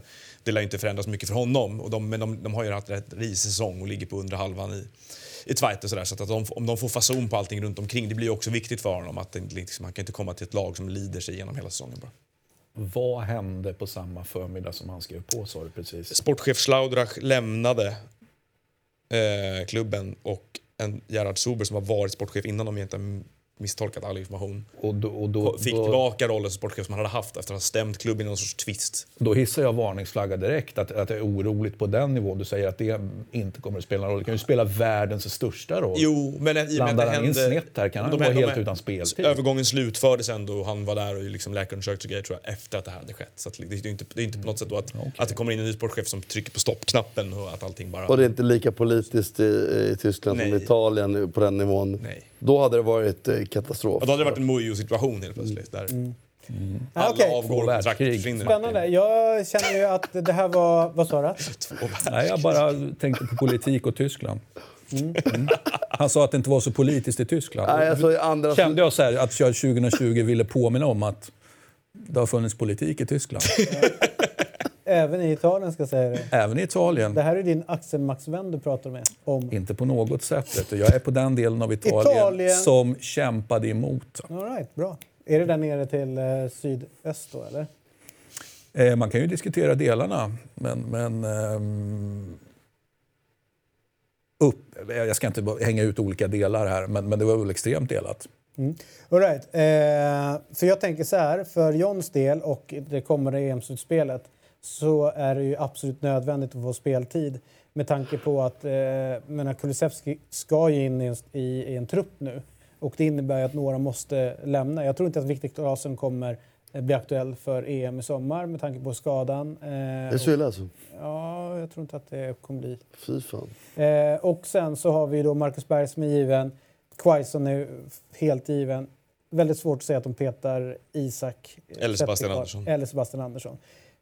Då är det ju då... Inte skitmånga platser kvar. Nej, det är det som är grejen. Och Kulusevski ska in. Forsberg är där. Larsson är där. Ekdal är där. Olsson är där.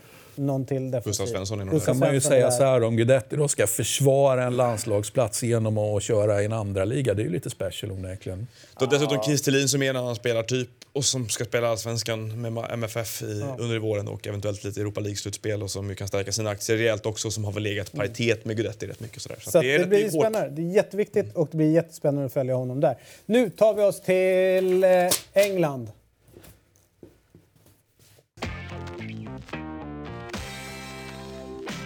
Och vi börjar med det som hände på Anfield. Det blev 2-0 till, Manchester, eh, till Liverpool mot Manchester United. Det var sjukt mycket bollar i mål, men det blev bara två stycken som räknades till slut. Just det. och eh, det var ju situationer där, jag tror att kommentatorn kanske trodde det var offside, men det var ju ruff på, på målvakten som det dömdes för. Och... Eh, Ruff. Ruff och Ruff. Vad hette han? Ricky Brors. Push. Push. Eh, och eh, en del säger att Liverpool verkligen körde över Manchester United. Jag hörde en tränare som sa att vi inte blev överkörda utan vi hade ganska bra kontroll. Vi gick före. Eh, och det var Ole Gunnar. Eh, och jag vet inte, när man ser laguppställningen, eh, laguppställningen han skickar ut, de spelarna han har till förfogande så skulle jag väl säga att problemet där är ju, vad är det för jävla trupp han har att jobba med? Vad är, alltså, vet, det är väl någonstans där. Eh, och sen så kommer rapporten om då med Rashford. De verkar ha chansat lite grann på Rashford som var dumt. Ja, som verkar ha någon Harry Kane-skada nu i ryggen va? Ja, precis. Det låter inte så bra. Tre Kane- månader, eh, Kane- Den har ju varit Eh, kronisk. så här, det, är ju inget roligt att få den typen av förslitning och När man är utmattnings... 21, 21. Ja, men det, går, det kan man ju få nu 15, 16. Kanske inte ja, ryggen men just. men- vad, säger, vad, ger vi, vad ger vi för omdöme kring matchen? Vad säger vi om, eh, om det hela? Matchen var jätte, alltså, det var en jävligt härlig match att se. Ja, rolig. Eh, Även om det mest såklart var, var Liverpools förtjänst så var det ändå så att fan, man ska ju också ge beröm till United tycker jag för den arbetsinsats de gör. Helvete vad de fick jobba hårt i första halvlek för att hänga med. Och det gjorde de ju bra nog till att det stod bara 1-0. Det ska man ändå, om man är så pass underlägsen och har så lite liksom, kontroll på matchen och ändå stå 1-0 i halvtid tycker jag också man ska ge en viss beröm för. Och eh, tempot som Liverpool satte upp, jag menar City spelade bort dem i United i ligacupen där. Så liksom, det här var ju en... Så här, man bara... pff, Jävlar vad det blåste. Man satte tempot och intensiteten att spela med Liverpool var helt enorm tyckte jag.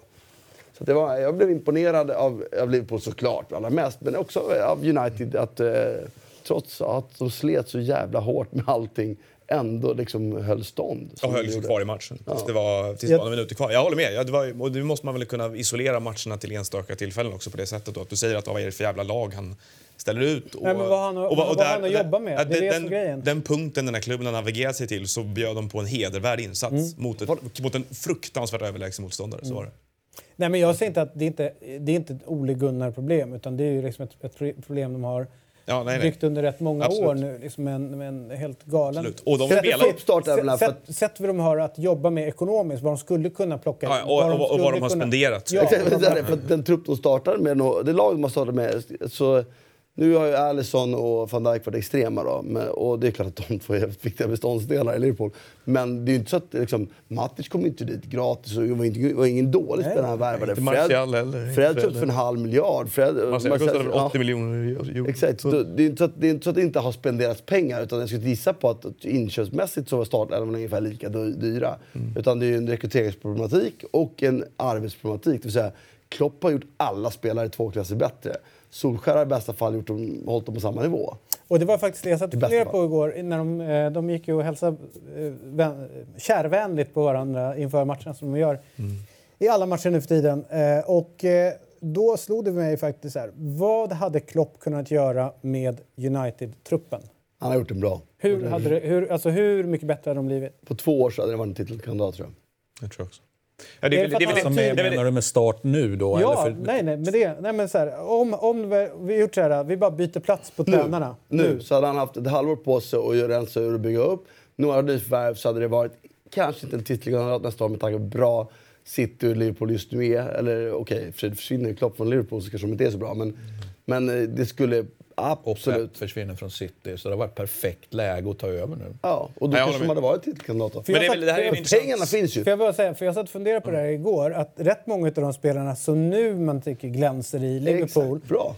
för några år sedan så var man så här, hur fan kunde de köpa Henderson? Han är så jävla dålig, han är begränsad och rätt sådana saker. Robertson var det hur ingen var, som hur var skrek om. Liksom. Eh, varför har de den Gomes. spelaren? Varför har de den? Alltså, vet, och så vidare. Trent Gomes kom från Charlton. Och sen så nu så är det tvärtom. Kolla Henderson, hur han eh, liksom är oljan i det här maskineriet och vad han kan göra. Under Klopp. Alltså, hantverket är ju imponerande. Och Exakt. då är frågan så här, tränarrekrytering, återigen tränarrekrytering, tränarrekrytering, tränarrekrytering.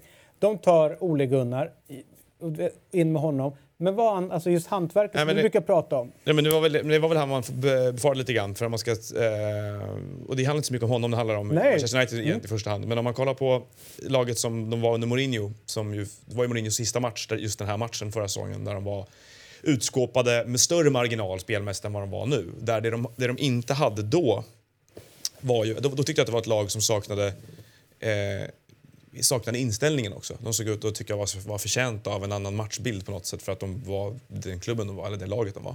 Det de har nu är ju, är ju motivationen, uppenbarligen. De spelar ju för sin tränare och de har väl någon sorts organisation i alla fall.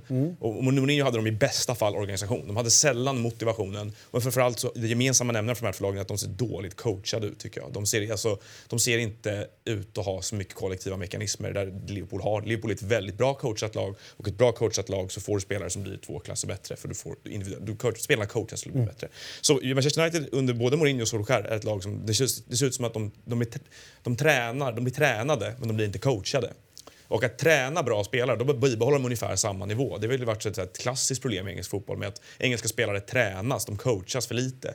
Eh, ta Walcott, liksom ett, ofta lyfts fram som ett exempel. Rooney ett annat som jag i alla fall håller som att de var jämnbra i tio års tid. De coachades väldigt lite till att bli bättre spelare. Och då, det kan jag tycka då har varit ett, en, ett problem i Manchester United. Att, ja, det är inte liksom, en del av de här värvningarna de har gjort, som Daniel James, är liksom inte, det, det är ett intressant råmaterial. Flera andra spelare, Wan-Bissaka också. Men, men själva coachandet av dem till att bli ett bättre lag och bättre spelare därmed det äger rum i för lite utsträckning. Och där är den stora skillnaden mot Liverpool. Att alla som kommer till Liverpool coachas bättre. Det, det är på något sätt för som jag liksom försöker hitta kärnan i det. Undrar om inte typ eh, United så jävla dyrare inköp också om du tittar på det. Alltså Wan-Bissaka, nu är ju för sig Liverpool en egen produkt på högerbacken, men Wan-Bissaka kostade ju 50 miljoner pund i somras. Maguire, vad kostade han? 90? 80 va? Eller var det Shaw- 90? Shaw. Victor kostar en hel del. Fred var ju 30. dyr. Mats var inte billig. Shaw var inte billig. Nej. Pereira och Brandon Williams kommer underifrån. James värvades in. Martial var dyr. Mané var inte så dyr. Firmino var väl inte så dyr. Salah var väl inte så dyr. Också Chamberlain vet jag inte. Ja, var- kostade 30 tror jag. Jordan minns jag inte. Wijnaldum kan jag tänka mig var dyr. Kostar dyr. 20. Van Dijk var dyr. Alisson var dyr. Wijnaldum kostar 25. Och, och Alexander Arnold och Gomes kommer underifrån bara två. Men nu kom, eh, nu kom, kom vi bort från coachandet. Gomes kom för från jag- Charlton. För jag vill ta tillbaka till coachandet. För jag menar, eh, liksom, hur lätt är det då att hitta någon som faktiskt kan coacha på och sen på olika nivåer och så vidare. Det finns väl massor med tränare där ute, tar jag för givet, som kanske, som, som kanske är behållare och det är maxnivån. De har, de har ingen utvecklings eh, nödvändigtvis och de kanske inte har det på den nivån som är United som klubben då är. Så att, så att, eh, superlätt att hitta de som faktiskt utvecklar. Gör det. Jaha, Det är Nej, det- är inte lätt. För, för det, det Klopp är ju inte... Det är Klopp gjort. Nej, det är nästan omöjligt att hitta. Det finns för få motsvarigheter. Men jag vill ju hävda att det är en under... Alltså, att få ut det de kan. Det, är inte- det är ju inte United heller nära. Det finns det många som kan. För United är problematiken kanske inte främst att de inte lyfter dem. Jag tycker de inte får ut det de köper dem för. Nej, det håller jag med där Ja, också och, faktiskt. och det finns det ju många tränare som kan göra. Och jag tycker att, att det finns ingenting, inget tecken i hela världen på att Ole Gunnar Solskjaer är rätt tränare. Vi var osäkra för ett år sedan för vi inte sett indikationer. Nu tycker jag att man kan säga att nej, men han har inte det i sig. Han kommer aldrig bli... Nej, men det, det behöver vi inte ens diskutera. Utan Nej. jag menar, jämförelsen var ju här om att Ja. de, om vi backar två år så, så, så skulle de här kunna då med rätt coach ha, ha kunnat utvecklas. Då. Jag menar, det är inte lätt att hitta den coachen. Jag Nej, men det är väl just heller därför- att- det är väl- att- det är väl att just Ole därför Gunnar som- är Nej, men det väl just- liksom, Jag säger så här, eh, vill United på kort, tid, kort sikt göra någonting som på väldigt kort tid närma sig världseliten på riktigt igen. Sluta ett revenue share-avtal med Mendes. Han kommer fixa det. Men det är, så, för det, som, det som är... Det är just det, Tror du inte det, eller? Ja, men det är just det här som... Spirito Santo. Det är en bra namn. Han kanske har någon annan i sin katalog. Ja, då blir det ju han. Men, eh, Men vadå, han har, han har ju ett fantastiskt Ja, absolut. Han har jobb. Traoré, kom igen! Han är, för han, har, han, har väl, han har coachat Wolves, på, på tal om det. Men det är väl just det som gör att, man, att Pochettino hela tiden är som en sorts skugga över Solskärs eh, fortsättning i United. här. Att så länge Pochettino är ledig så finns det en tränare som... Det finns ett facit att han utvecklade, han coachade Tottenham mycket bättre. Många spelar Tottenham till att bli mycket bättre. Ett lag till att bli mycket bättre över fem års tid. Även om då Eh, liksom, det fanns en brintid och det, och det tog slut. Så, så effekten var där. Och de är sällsynta, de, framförallt de som har gjort det på den här nivån och som vi varit uppe och fightat om, om stora titlar och klarat det i Premier League som är en tuff miljö. Men att han är ett, en tränare som är tillgänglig gör att det finns en stressfaktor tycker jag i alla fall med Solskär. Som, hur länge är han tillgänglig? För att det rimliga är såklart att spela klart säsongen med Solskär. Det är ju, att göra förändringar nu tjänar de kanske inte jättemycket på. Eh, om de inte vill ha liksom... Det hade varit kul med en förändring. Med Jag tänker mer, mer Brennan Rodgers skulle vara en jättebra tränare för att bygga upp långsiktigt projekt. Alltså man ser vad, vad han faktiskt gör. Eh, och säger man så här, ja men okej, hanterar han en stor klubb? Ja men Celtic är inte, jag- alltså det är i sitt sammanhang och det trycket som är runt omkring där en, en, en, liksom en, en ganska stor klubb och, och, och ha att göra och, ratta. Och jag tror att hans, han skulle kunna... Nu har han varit i Liverpool, jag vet. Det är ett jättestort minus runt det hela. Men han skulle kunna hantera en sån, eh, en sån square som det ändå innebär. Men, men det, jag, det, jag- det jag tänker med, med tränarrekryteringar och sådär. Varför görs det inte ett större jobb kring att verkligen försöka hitta den tränaren som verkligen skulle kunna göra den här kloppeffekten runt det hela? Det finns Alltså, så få. Ja, som vi känner till, som vi vet om. Alltså, Jo, om man kollar så här, i Barcelonas fall så kan de hitta en Villanova, de kan hitta en, en Tata Martino eller de, de chansar på en Pep Guardiola runt det hela för att de, så här, det finns en tro på att det här kommer funka. Om man kollar de tränarvalen de har gjort efteråt. Moyes, för övrigt fantastisk tränare. Van Gaal, eh, Mourinho och Solskär. Alltså det, det finns liksom ingenting som, ska, alltså som, som kittlar problemet- för att bli Problemet är att United inte har, dynamiska eller eh, United har ju- leda någonting framåt. United har ju ingen sån filosofi att stå på. Och Solskjaer leder den filosofi de hade som jag tycker är bedagad. Alltså han, han för väl Fergusons arv vidare. Och det är lite därför jag pratar om Mendes. För Mendes kommer in och han kan nog hitta någon för sin filosofi. Men det måste komma in någon i den här klubben som ändrar hela riktningen på hela klubben. Tycker jag. Det är klart att du, med Pochettino, jag är helt säker på att Pochettino, håller med, på kort sikt skulle få till en förändring. Men den förändringen är inte nog egentligen. De behöver ta in någon som förändrar hela klubben. Och det lättaste är ju att, ta in någon som händer. Jag säger det, liksom, det kanske inte görs, men han skulle klara av det. Han har mandat att göra det, han har kontakterna för att göra det. Men annars måste de ju börja strukturera om allting. Jag menar, senast igår så var ju Keane ute och tjafsade om någonting igen. Och Martial var inte bra nog. Alltså, det, det finns ju en jävla yta att hantera. Och jag, jag, du har rätt Rodgers. Jag tycker inte att, att United går att jämföra med, med, med Celtic. Från mitt perspektiv, jag tror inte Rodgers har... Rodgers är en, alltså en grym fotbollstränare. Han var ett bananskal från att ta guldet med Liverpool. Han var en grym fotbollstränare. Men att komma in med den press det är United nu... Jag skulle inte våga ta en chans igen. Jag skulle hellre gå på något annat Jag, jag, tror, jag tror inte att Rodgers hade varit... Men jag, men jag, jag tror inte att han hade varit fel. Men jag tror att... Eh, jag tycker väl att Pochettino både på sikt... Han, är ju, han har ju förändrat. Han förändrade ju saker i Tottenham. Han gjorde ju saker med, med Tottenhams DNA och kultur och Kommer in med identitet mandat. saker. Ja, han har, han har liksom skaffat sig det, det ryktet. Och jag menar, han åkte och spöade den klubben på bortaplan med 3-0 för något år sedan. Och flera gånger mot Mourinho United så var de Spurs fullständigt överlägsna. Så de har ju sett med egna ögon, alltså även i supporterbas och de här ex-spelarna vi pratar om då, som är någon sorts liksom oberoende folkdomstol runt omkring hela tiden. De, de har också sett honom. Så han, har, han har ju auktoritet med sig på det sättet. Så av, av det skälet så tror jag att han är ett ganska bra, klockrent alternativ för dem. Jag säger inte att Solskjaer måste få säsongen ut. Det är bara att jag tror liksom inte att, jag tror inte att det ligger i farans riktning att han får kicken nu för att de fortfarande hänger på fjärdeplatsen. Jag vill lyfta eh, Viktors insats igår. Jag tyckte att han eh, gjorde... Jag tänkte inte så mycket på honom. Eh, jag satt faktiskt och kollade på det. Jag har varit, jag har varit ganska kritisk mot under jul och nyårshelgerna där. Så hamnat i konstigt, vet, får bollen på sig, den går in i mål och, och vet, han, Jag tycker att han har haft inte sin bästa period i, som, som United-spelare. Men igår så tycker jag att han var betydligt mycket mer eh, i den här trebackslinjen.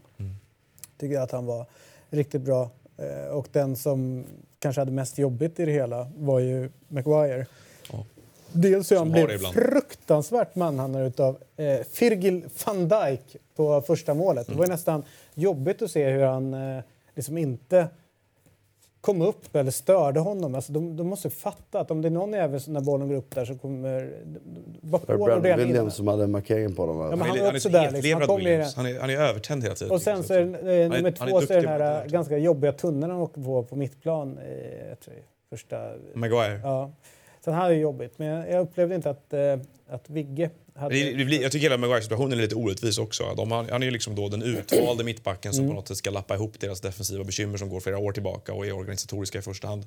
Betalar alldeles för mycket pengar för honom vilket på något sätt förstärker intrycket av att han är en mittback på en helt annan nivå än vad han är. Och de borde ha lagt de pengarna uppdelat på två eller tre spelare istället tycker jag. Kanske. Eller så, så var det folk som var så här... Eh, när Liverpool eh, värvade van Dijk. Hur kan ni lägga så mycket pengar på honom? Och så blev det så bra. Ja. Så blir det så bra. Så att, menar, man måste ju... Det var ju som eh, men det var ju bättre sa, ekosystemet ser ut som det är. Det är svindyrt med, med tränare. Men jag måste säga att, att eh, på Viktor så tycker jag egentligen, jag tänkte också på att så här, jag tycker inte han gjorde en supermatch men, men givet den, den press de var under så får man väl ändå ge alla i den backen, även Maguire, beröm. eh, för Och att- Shaw. Ja, och så exakt. Eh, Victor gjorde egentligen en grej bara som stack ut negativt egentligen som jag tänker efter, men det blev ju bortdömt. Det var minus mål där. Jag hoppas att han gjorde det därför att han trodde att det var avblåst. För att det är rätt taffligt. Efter de var på do, äh, målvakten där. Ja, precis. För att då är det taffligt att bli av med bollen i Ja, läget till Firmino som ledde till ett mål. Och som, men annars så, så sagt, det är ju... Ju Satan vad de var på domaren efter det. Alltså apropå att man inte ska skrika och så. jo, det Ja, men det var ju ganska... Absolut. Jag, jag, jag trodde att de skulle börja jobba fram den. ja, Maguire borde ha fått salam, någonting. salami... Kniv. Nej, korven. Alltså korven. Ma- Ma- i synnerhet var ju det. Nu är visserligen kapten väl, så han får prata, men han var ju otroligt aggressiv. Och de Gea fick gula. Men jag måste säga att, att det är ju, återigen, det är, på Victor då, så är det ju rätt otacksamt på många sätt och vis och, och, och liksom vara det laget som inte fungerar och ha de egenskaper Ja. Victor har. För Victor är inte en spelare som sticker ut, krigar, slängs inte på det sättet utan han, är ju en, han har ju fotboll i sig tycker jag. Eh, och jag återsäger med dåres envishet hävda att det är fel lag för honom att vara i tycker jag. På det roligaste är han ett spelande lag. För jag tycker ju ändå att hans stora egenskaper är ju ändå hans spel. Och det får han faktiskt ganska lite. Man får hoppas på att de blir det med nästa tränare. Mm. Men eh, nu glömde jag bort vad jag skulle säga så går vi vidare istället. Ja, det gör vi. Eh, snabbt bara då. Eh, stora rånet i nordöstra Ja. England. Det är, jag förstår inte hur länge det här ska hålla. Det är osannolikt. Ja, där är ju Tottenhams mål va? Inte mål. Men eh, inte, inte Tottenham. Det, det, är en- inte, den där matchen såg jag delar av också. Det var ganska intressant. Men eh, Den här. den här matchen är det, ja. Ja. Ja, vad säger du? ja, att det är sjukt att, eh, att ni, ni inte fick mer än poäng, men att Chelsea borde ha vunnit matchen. Ja, Överkörning. Men de är, skit, skit i de Chelsea den här gången. Men, mycket- låt oss foka på, foka på, på, på Newcastle Ja. och det som faktiskt ändå görs ganska bra. Vad är det du Vad skulle... är det som gör så bra? Ja, poängskörden, Ja, eller? ja, det är den som är bra.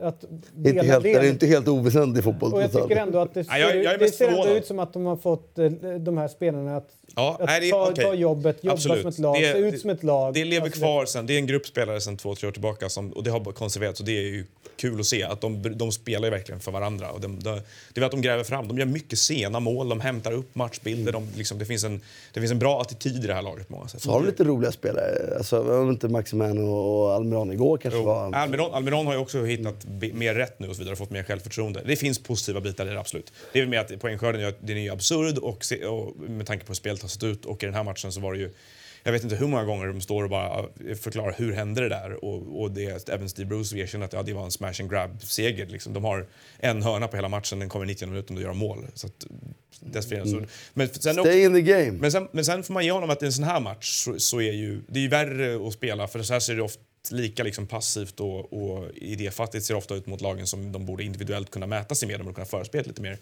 Mot Chelsea och lag som, som älskar att stå och hålla bollen, vi pratade om sterilt bollinnehav här förut, så är ju det, det svårigheten för Lampard och Chelsea att de eh, har för mycket sidledsspel helt enkelt. Och där Reece James stora delar av den här matchen framstår som det, det största hotet framåt, den största kreativa liksom, in, insatsen i hela Chelsea. Det, det är deras högerback. Och på det sättet så var det smart att, att, ställa sig och, och tvinga Chelsea till att liksom försöka hitta på saker, och det, vilket de inte var speciellt bra på. Nu är Chelsea rätt trygga i den här Champions League-platsen ändå eftersom alla, inga lag där bakom vinner. Inte ens, inte ens Chelsea verkar vara intresserade av att, att verkligen ta, ta, Nej, ta tag det? i De vill komma fyra. Det är väl det är det som är grejen. Det är väl typ 10 poäng sämre än förra året samma tid. Och då, var det- men i år är ju, är ju Champions League-platserna är ju lättare att nå helt klart. Alltså. Ja. Men även Leicester kommer ju, och det visste ju, eller visste visste ju inte, men det pratade vi om att det kommer ju vara så att Leicester kommer ju sluta vinna förr eller senare. Missar de straff och förlorar mot... Alltså, och de är tre förluster på de fem senaste. Och, Ja, det, eh, och det har varit för många såna där Ja. grejer på slutet. En så två rolig av de sak, förlusterna är väl i och för sig mot Liverpool City, är det ja. det hände väldigt roliga saker i den här matchen. Jag vet inte såg det på slutet. Var det flaggan på, mellan benen på den här killen? Ja, och det var Matt Ritchies andra grej på en vecka. Han är ju den mest, den mest liksom ilskna spelaren i Newcastle på väldigt länge, på gott och ont. Jag gillar ju det, för att han, ja, det, det smälls på liksom. och Han är extremt aggressiv hela tiden. Men i veckan då mötte de ju Rockdale i FA-cupen och då gjorde Matt Longstaff 1-0 och då i målgest, liksom alla kramar om honom och Richie kom fram och bara lappar till honom i huvudet. Så. Och i vanliga fall så kan ju spelare liksom ta en, en klapp, en hård klapp så där, men Longstaff liksom så här, ropar tillbaka Richie bara, ah, fan det gjorde ont. Som att, så kan inte vara på. Richie bara skiter i honom och går vidare. Det blev liksom en snackis att, att Richie kan gå för långt med sin aggressivitet. Så han. Så är det match på, på lördagen och det blir mål lite och Richie tar ett hörnflagga som ett spjut i pungen på en supporter. Det kunde ju inte riktigt helvete, eller? Det fanns ju film på efteråt den här supporten, alla fyra supporten sitter och bara Har ont. känner Ja. hur det kryper. Liksom. Och där var det roligaste eh, i, eh, i, i Chelsea-världen då att det är klart att det fanns en bitterhet över att, att man förlorade. Ja. Men då var det, jag vet inte om det, var så halvofficiellt, det är inte officiellt konto men ändå en så här, eh, relativt officiell i, Chelsea-kretsar som har koll. Han bara konstaterade det där kan ni fan ha efter den här jävla stölden. Då kan ni fan ha en, en, En flagga i en flagga i pungen. Är, man, man snor inte poäng på det här sättet. Ja, så kan det vara. Eh, vi eh, landar ner i Italien.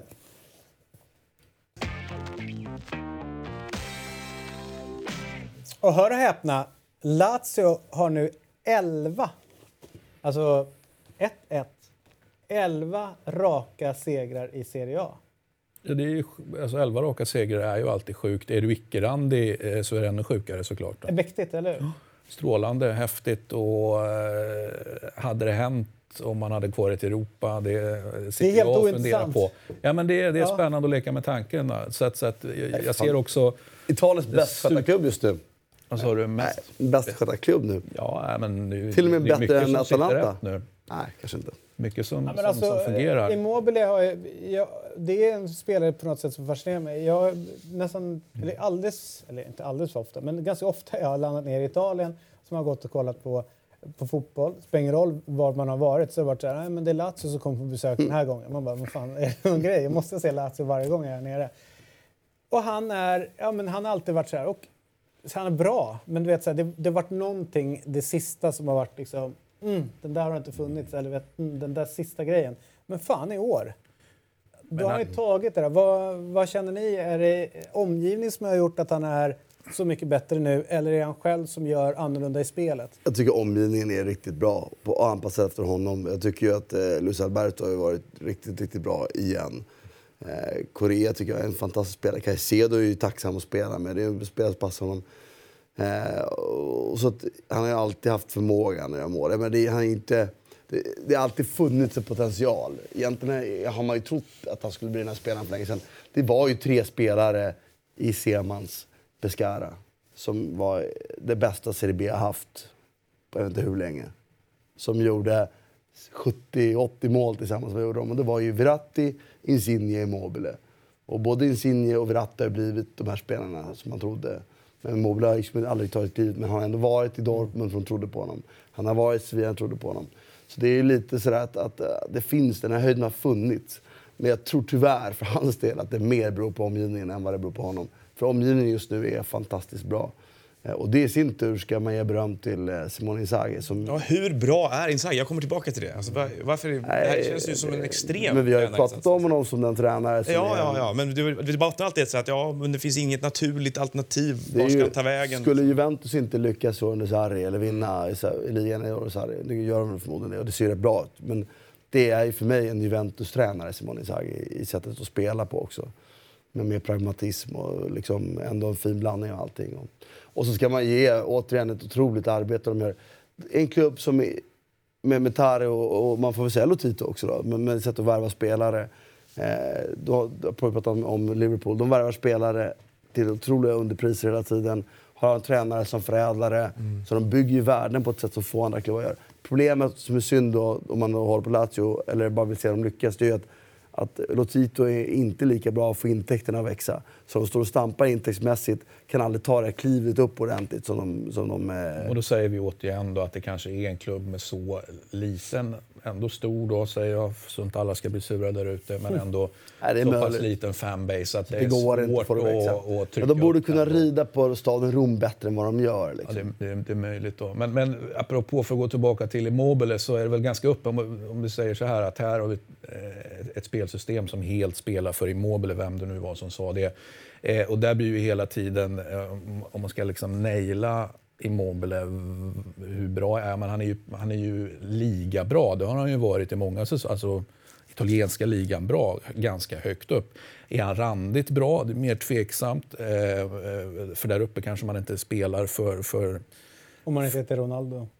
Nej, då, spe, då spelar klubben för det, men, men är du immobile så gör man inte det. Och, och går vi tillbaka då till landslaget, eh, som ju också blir en, en, en måttstock, i alla fall för mig. Då. För mig är det, är, det- självklart då, alltså, där tror jag inte alls på, på Immobile längre, för han har bränt så många chanser. Och, det vill säga, landslaget spelar inte för Immobile, utan du, du får faktiskt liksom fixa Det är ju lite, lockande grejer att tänka själv. på landslaget. Jag håller med om att jag tycker inte han har visat nog för att vara där. Men det är lite lockande att tro på honom nu en sommar med Ja, men det är klart att det är lockande. Insigne, Jorginho. Det är ju spelare som kan ge honom den typen av bollar där han är. Mm. För den spetsen har han ju alltid haft. Timingen går bakom, av- avslutar steget. Problemet är ju som Christian är inne på att det, det är inte alla lag spelar så. Det är inte alla lag som har de typerna. Men landslaget fylls ju upp nu med sådana spelare lite. Ja, vi får väl se. Så jag, jag känner ur ett landslagsperspektiv ändå att det känns som en fälla lite grann att gå i det här att Kanske. ja, men nu har Immobile nått en, en, säg, säg en ny nivå och att man, man driver den tesen och då kommer han också leverera i landslaget. Jag, jag, bara, jag, blir, jag blir så rädd när jag Men de typerna bak- får jättegärna Så stämma. rädd. Ja, men, Fast det intressanta tycker jag med, med Lazio som, som fenomen det är ju att eh, de har ju under hela tiden de har liksom legat här under, bakom och puttrat tappat instrumentella spelare. ja, men de har inte tappat, om du tittar bara, de har tappat, men de har gjort det de har tappat det Frej. Och vad har de tappat mer än det Frej? Nej, nej, men pratar vi längre tid så har ju ändå spelare försvunnit. De har ju varit en säljande klubb. Liksom. Ja, men nu pratar vi väl ändå un, Okej. under, under eh, Inzaghi. rimligtvis Inzagis gärning då. Det är bara det Frej, alltså jag driver med, med en dåres envishet och tesen att de har ju nått en nivå på spelare det liksom är, som är precis perfekt för Lazio, för de är inte attraktiva. Milinkovic Savic var attraktiv efter sin liksom, supersäsong, eh, men han blev inte såld. Nu puttrar han kvar. Luis Alberto, ja, han är också fortfarande kvar. Och då är det bara De Frey som har, som har rört på sig. Och, och jag Vem menar, du det- med? Rekryterat Ja, Felipe Andersson, eh, Andersson var ju... Ja, men they- couldn't care less med att bli av med honom. Nej, men jag jag, jag jag att säger när han han- spelar i alla fall av Biglia. Ja, men Biglia var ju... Han var ändå instrumental och en, en av ja, ja, men, men det var, han var ju lättersatt, bevisligen. Bevisligen ja, men det Ja. kanske är mer en effekt av en bra scouting och en jävligt bra tränare. Ja, men precis. Men det, jag ska jag säga- menar är det väl perfekt att du lyfter ut... Nu Jag säger, ska, jag ska bara säga en grej. Det jag försökte säga det var att det är inte lätt att bibehålla en nivå när man hela tiden gör sig av med spelare. Det, det finns rätt många klubbar som är exempel på det som når upp till en viss nivå så är de så av med spelare. Man skulle kunna argumentera att Sampdoria skulle kunna ersätta vissa spelare mycket tidigare än vad de har gjort. Eller att eh, Roma skulle varit mer bet- bättre på att ersätta eventuellt spelare eller spelartapp och så vidare. Eller Milan eller Inter och så vidare. Men Lazio har med relativt små medel och bra sportcheferi hela tiden kunnat ersätta och hålla en bra nivå. Kolla Lukas Leiva. Det var ingen som ville ha Lukas Leiva när han, gick, eh, när han lämnade. Exakt, Men då är de men bra är där trygga i Så Det jag försökte scoutingen. säga det är att de är väldigt duktiga på det de gör alltså i, i organisationen och får inte tillräckligt mycket cred för, tycker jag, Nej, i deras är klart arbete. att de, inte, de, ska, de ska ha hur mycket cred som helst. Va? Just, just, eh, jag tycker om Bilja nu är plötsligt är liksom ett exempel på att man har sålt eh, sina stjärnor så är det ju så här, han var ju på ålderns höst, det ska man också, du får bra med deg. Eh, Det var en jättebra transfer. Trams, eh, tram, eh, Lazio-perspektiv liksom, så det är bra med deg för en spelare som är ungefär som Real Madrid och Cristiano Ronaldo. Du skickar ut någon som, är, som bara klart over the hill, men du får jävligt bra deg. Va? Så jag fortsätter då med en dåres envishet och säger att det är bara De Frey man har tappat som då var liksom eh, eventuellt crucial, men Acerbi hur crucial som helst. En bra bit in i säsongen var han ju han den enda mittbacken, jag vet inte om han är det fortfarande för nu tror jag att han har blivit förbidriven, men han var den enda i de fem stora europeiska ligorna som inte hade blivit dribblad. Då hade ju till och med den store van Dijk då blivit dribblad. Acerbi inte. Så jag menar, även då... Det kanske till och med är så att De Frey inte ens är ett bra Jag vet exempel. att Chelsea faktiskt, apropå eh, Milinkovic Savic, är och kollar på honom, hade någon scout ner och kollade på honom. Vi får väl se om alltså, de sjuka fortsätter är- den här säsongen på det här sättet. Som de, då, då, då, alltså, ju- fortsätter man vinna, då, måste, då då, vinner man en liga. De har ju transfernettot som är positivt. Och det är ju, ja, man kan hålla med, jag håller med om att eh, in- instrumentella spelare har de, de har blivit av med två. De har man ersatt bra. Sen har de blivit av med spelare runt omkring som har varit bra, men inte med instrumentella. Där har man också, jag menar, Caicedo, kommer inte han på Bosman för Espanyol? Liksom? De har blivit av med Keita Balde, fick bra betalt för, som var en, en spelare som var bra men inte för instrumentell. Men bara bråkade dessutom, så det var ju bara För- skönt att bli av med honom. men som inte var instrumentell. Filippa Andersson som var bra, men inte, eller riktigt bra, men inte instrumentell. Men eh, Leiva, eh, eller Biglia och De Frey var absolut det. Men det är sjukt att i allt det här så har man plockat upp spelare. Caicedo, Correa, Luis Alberto. Milinkovic Sarf betalar man ganska mycket för ändå, en spelare i det läget. Så det är alltså, en, en chans. Men totalt sett har ju David rätt. Det är ju en fantastisk jävla klubb och tränargärning. Du, vad, vad Ja, är men det har väl alltid sagt någonting emot. Men det var är det han var det jag opponerade lite mot. De har inte betalat, men de har ju ändå lite. Jag, menar, jag vänder mig emot alla att det skulle vara en säljande klubb. Att, att man De har är ju sålt helt uppenbart. Det är uppenbart. Uppenbart. Men transfernettot som är positivt, Christian. Så det är ju, faktamässigt är de en säljande klubb. De säljer mer än de köper för. Alltså, Men vänta, siffrorna är tydliga. Okej, det ska vi inte anta. Ja, men grejen är, ja, men absolut. Jag, jag, jag har bara sagt det. Alltså, du säger Bilja. Och sen, jag skiter väl i om, de, om, om, så att säga, de, om någon så att säga, är dum. Jag gillar ju Bilja mer än, än många andra. Om någon är dum och på ålderns höst ger massor med pengar för Bilja, de skiftar in Leiva. Eh, och vad spelar det för roll? Nej, det har jag inte sagt. Men de är transfernettot är positivt. Ja, men det får jättegärna vara det. Men. Men ni menar ni menar väl olika man saker säljande säljer ju att precis rätt spelare. Det är ju det. Eller, och Man har inte blivit av med dem som hade varit... Om det hade funnits spelare här inuti som hade varit, Jag hade varit kritiskt att bli av med så har man inte blivit av med Men kritiska spelare. Och det är det som är Att poängen. Milinkovic Savic stannade under de omständigheterna. En säljande klubb i mina ögon hade ju sålt honom på något sätt den sommaren efter den supersäsongen. Ja, och så, Sett till att få honom såld. Liksom. Okej, eh, potato potato. Eh, jag tänkte... Fantastisk klubb. Och innan du går vidare, bara för snabbt här. Nummer fem, en Lazio-match, och så står det J... José Chamot. vad fan ser du? Jaha, förstår Chabot. Ja, då tänker jag, jag bara, Chamot nummer fem, Lazio. Är inte det en härlig tanke? Chabot har ju det? kommit in och varit eh, hur fin som helst i stamp också. Från det ena till det andra. All right. eh, vi tar oss till Lecce och eh, denna, den, här, den här grejen som häng, hängs upp. Jag tycker, jag, jag- tycker synd om, om Antonio Conte eh, som får så mycket skit vart han än kommer. Det är ju en snäll människa. Men eh, Conte, en man Snäll utan människa. identitet. Du är vår stads skit. Och, och, och, och vem låter vi stå som avsändare för det där då? Ja, era Det är väl du och dina Jag eh, tänkte mest på kompisar? Twitterkontot. Ja, Jag nej, jag tänkte mest på Twitterkontot. Vad är det Eh, för fel på dem? Nej, inte vet jag. You tell me. Bara inflikat i en Jag, tycker det, jag, jag har inget Det är problem. alltid, alltid Ja. viktigt var man tar grejer ifrån sig. Ja, Ja. och jag har ing, absolut inget problem med engagerade människor som Finns håller på it, konton. ita, ja, säkert.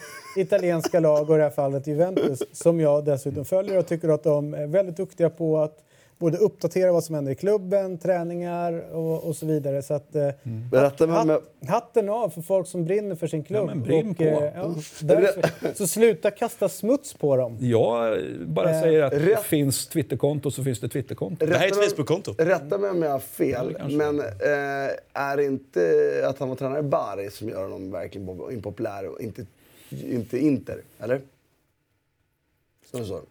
Var impopulär i Lecce eller impopulär för Juventus? Impopulär i eller? Lecce, för det här är väl impopulär i Lecce vi pratar om? Jo, det är väl impopulär i Lecce vi pratar om. Ja, det finns väl två, två, två olika eh, grejer. Det har vi varit inne på massor med gånger. Men vi tar en, en recap då.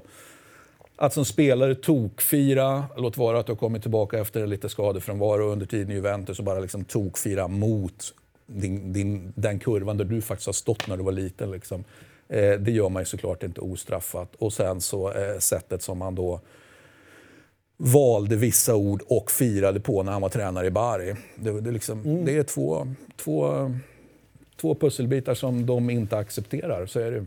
Eller? Jag, säger två saker med det. Bara att Conte är true to himself i alla fall. Det enda han bryr sig om är att vinna. Jo, är och det gör ju att han är en, inte en man utan en entitet. Men det är kanske inte den mest sympatisk... Jag håller med Det är en osympatisk människa, det tycker jag verkligen att det är. Men han är det på ett trovärdigt sätt för att han är sig själv liksom, rakt igenom. Men, och det sjuka är att eh, man har ju, eh, eh, när man jobbade runt och intervjuade olika människor till höger och vänster så var han alltid så jävla trevlig.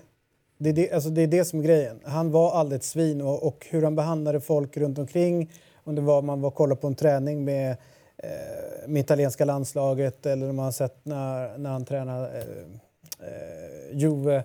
Så hur han behandlade folk runt omkring det tycker jag säger ganska mycket om hur vissa människor är.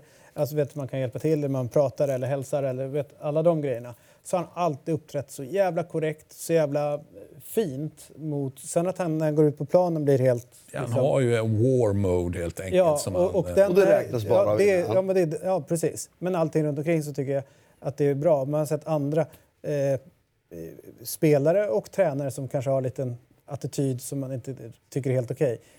Men så får han det här hela tiden. Och jag tycker att det, det blir så... För mig blir det jobbigt, för jag gillade ju honom som spelare och jag har gillat honom, liksom hans tränargärning någonstans. Det, det är intressant med honom för det finns ju rätt många tränare, eller spelare framför nej inte så många tränare, ja, men det finns tränare också, spelare framförallt som vill, vill måla upp den här bilden av att de är allas fiende och ingen tror på dem och det är jag mot världen och ingen trodde på mig och nu ska alla mina hatare få smaka och bla bla bla. Och det är ett osympatiskt drag. Ja, och, så, och så är det inte så. Egentligen så är det liksom, ja, deras Facebook-sida har eh, 650 000 eh, gilla-markeringar och det öses ut kärlek mm. hela tiden.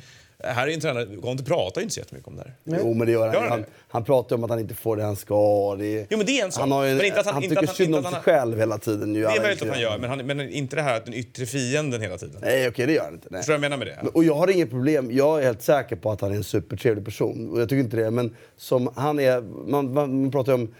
Jag, jag har svårt... Jag, jag har lättare att förstå dåliga förlorare. Jag har svårt att förstå... Jag har svårt att acceptera dåliga vinnare. Och han är i mina ögon en dålig vinnare. På vilket sätt då?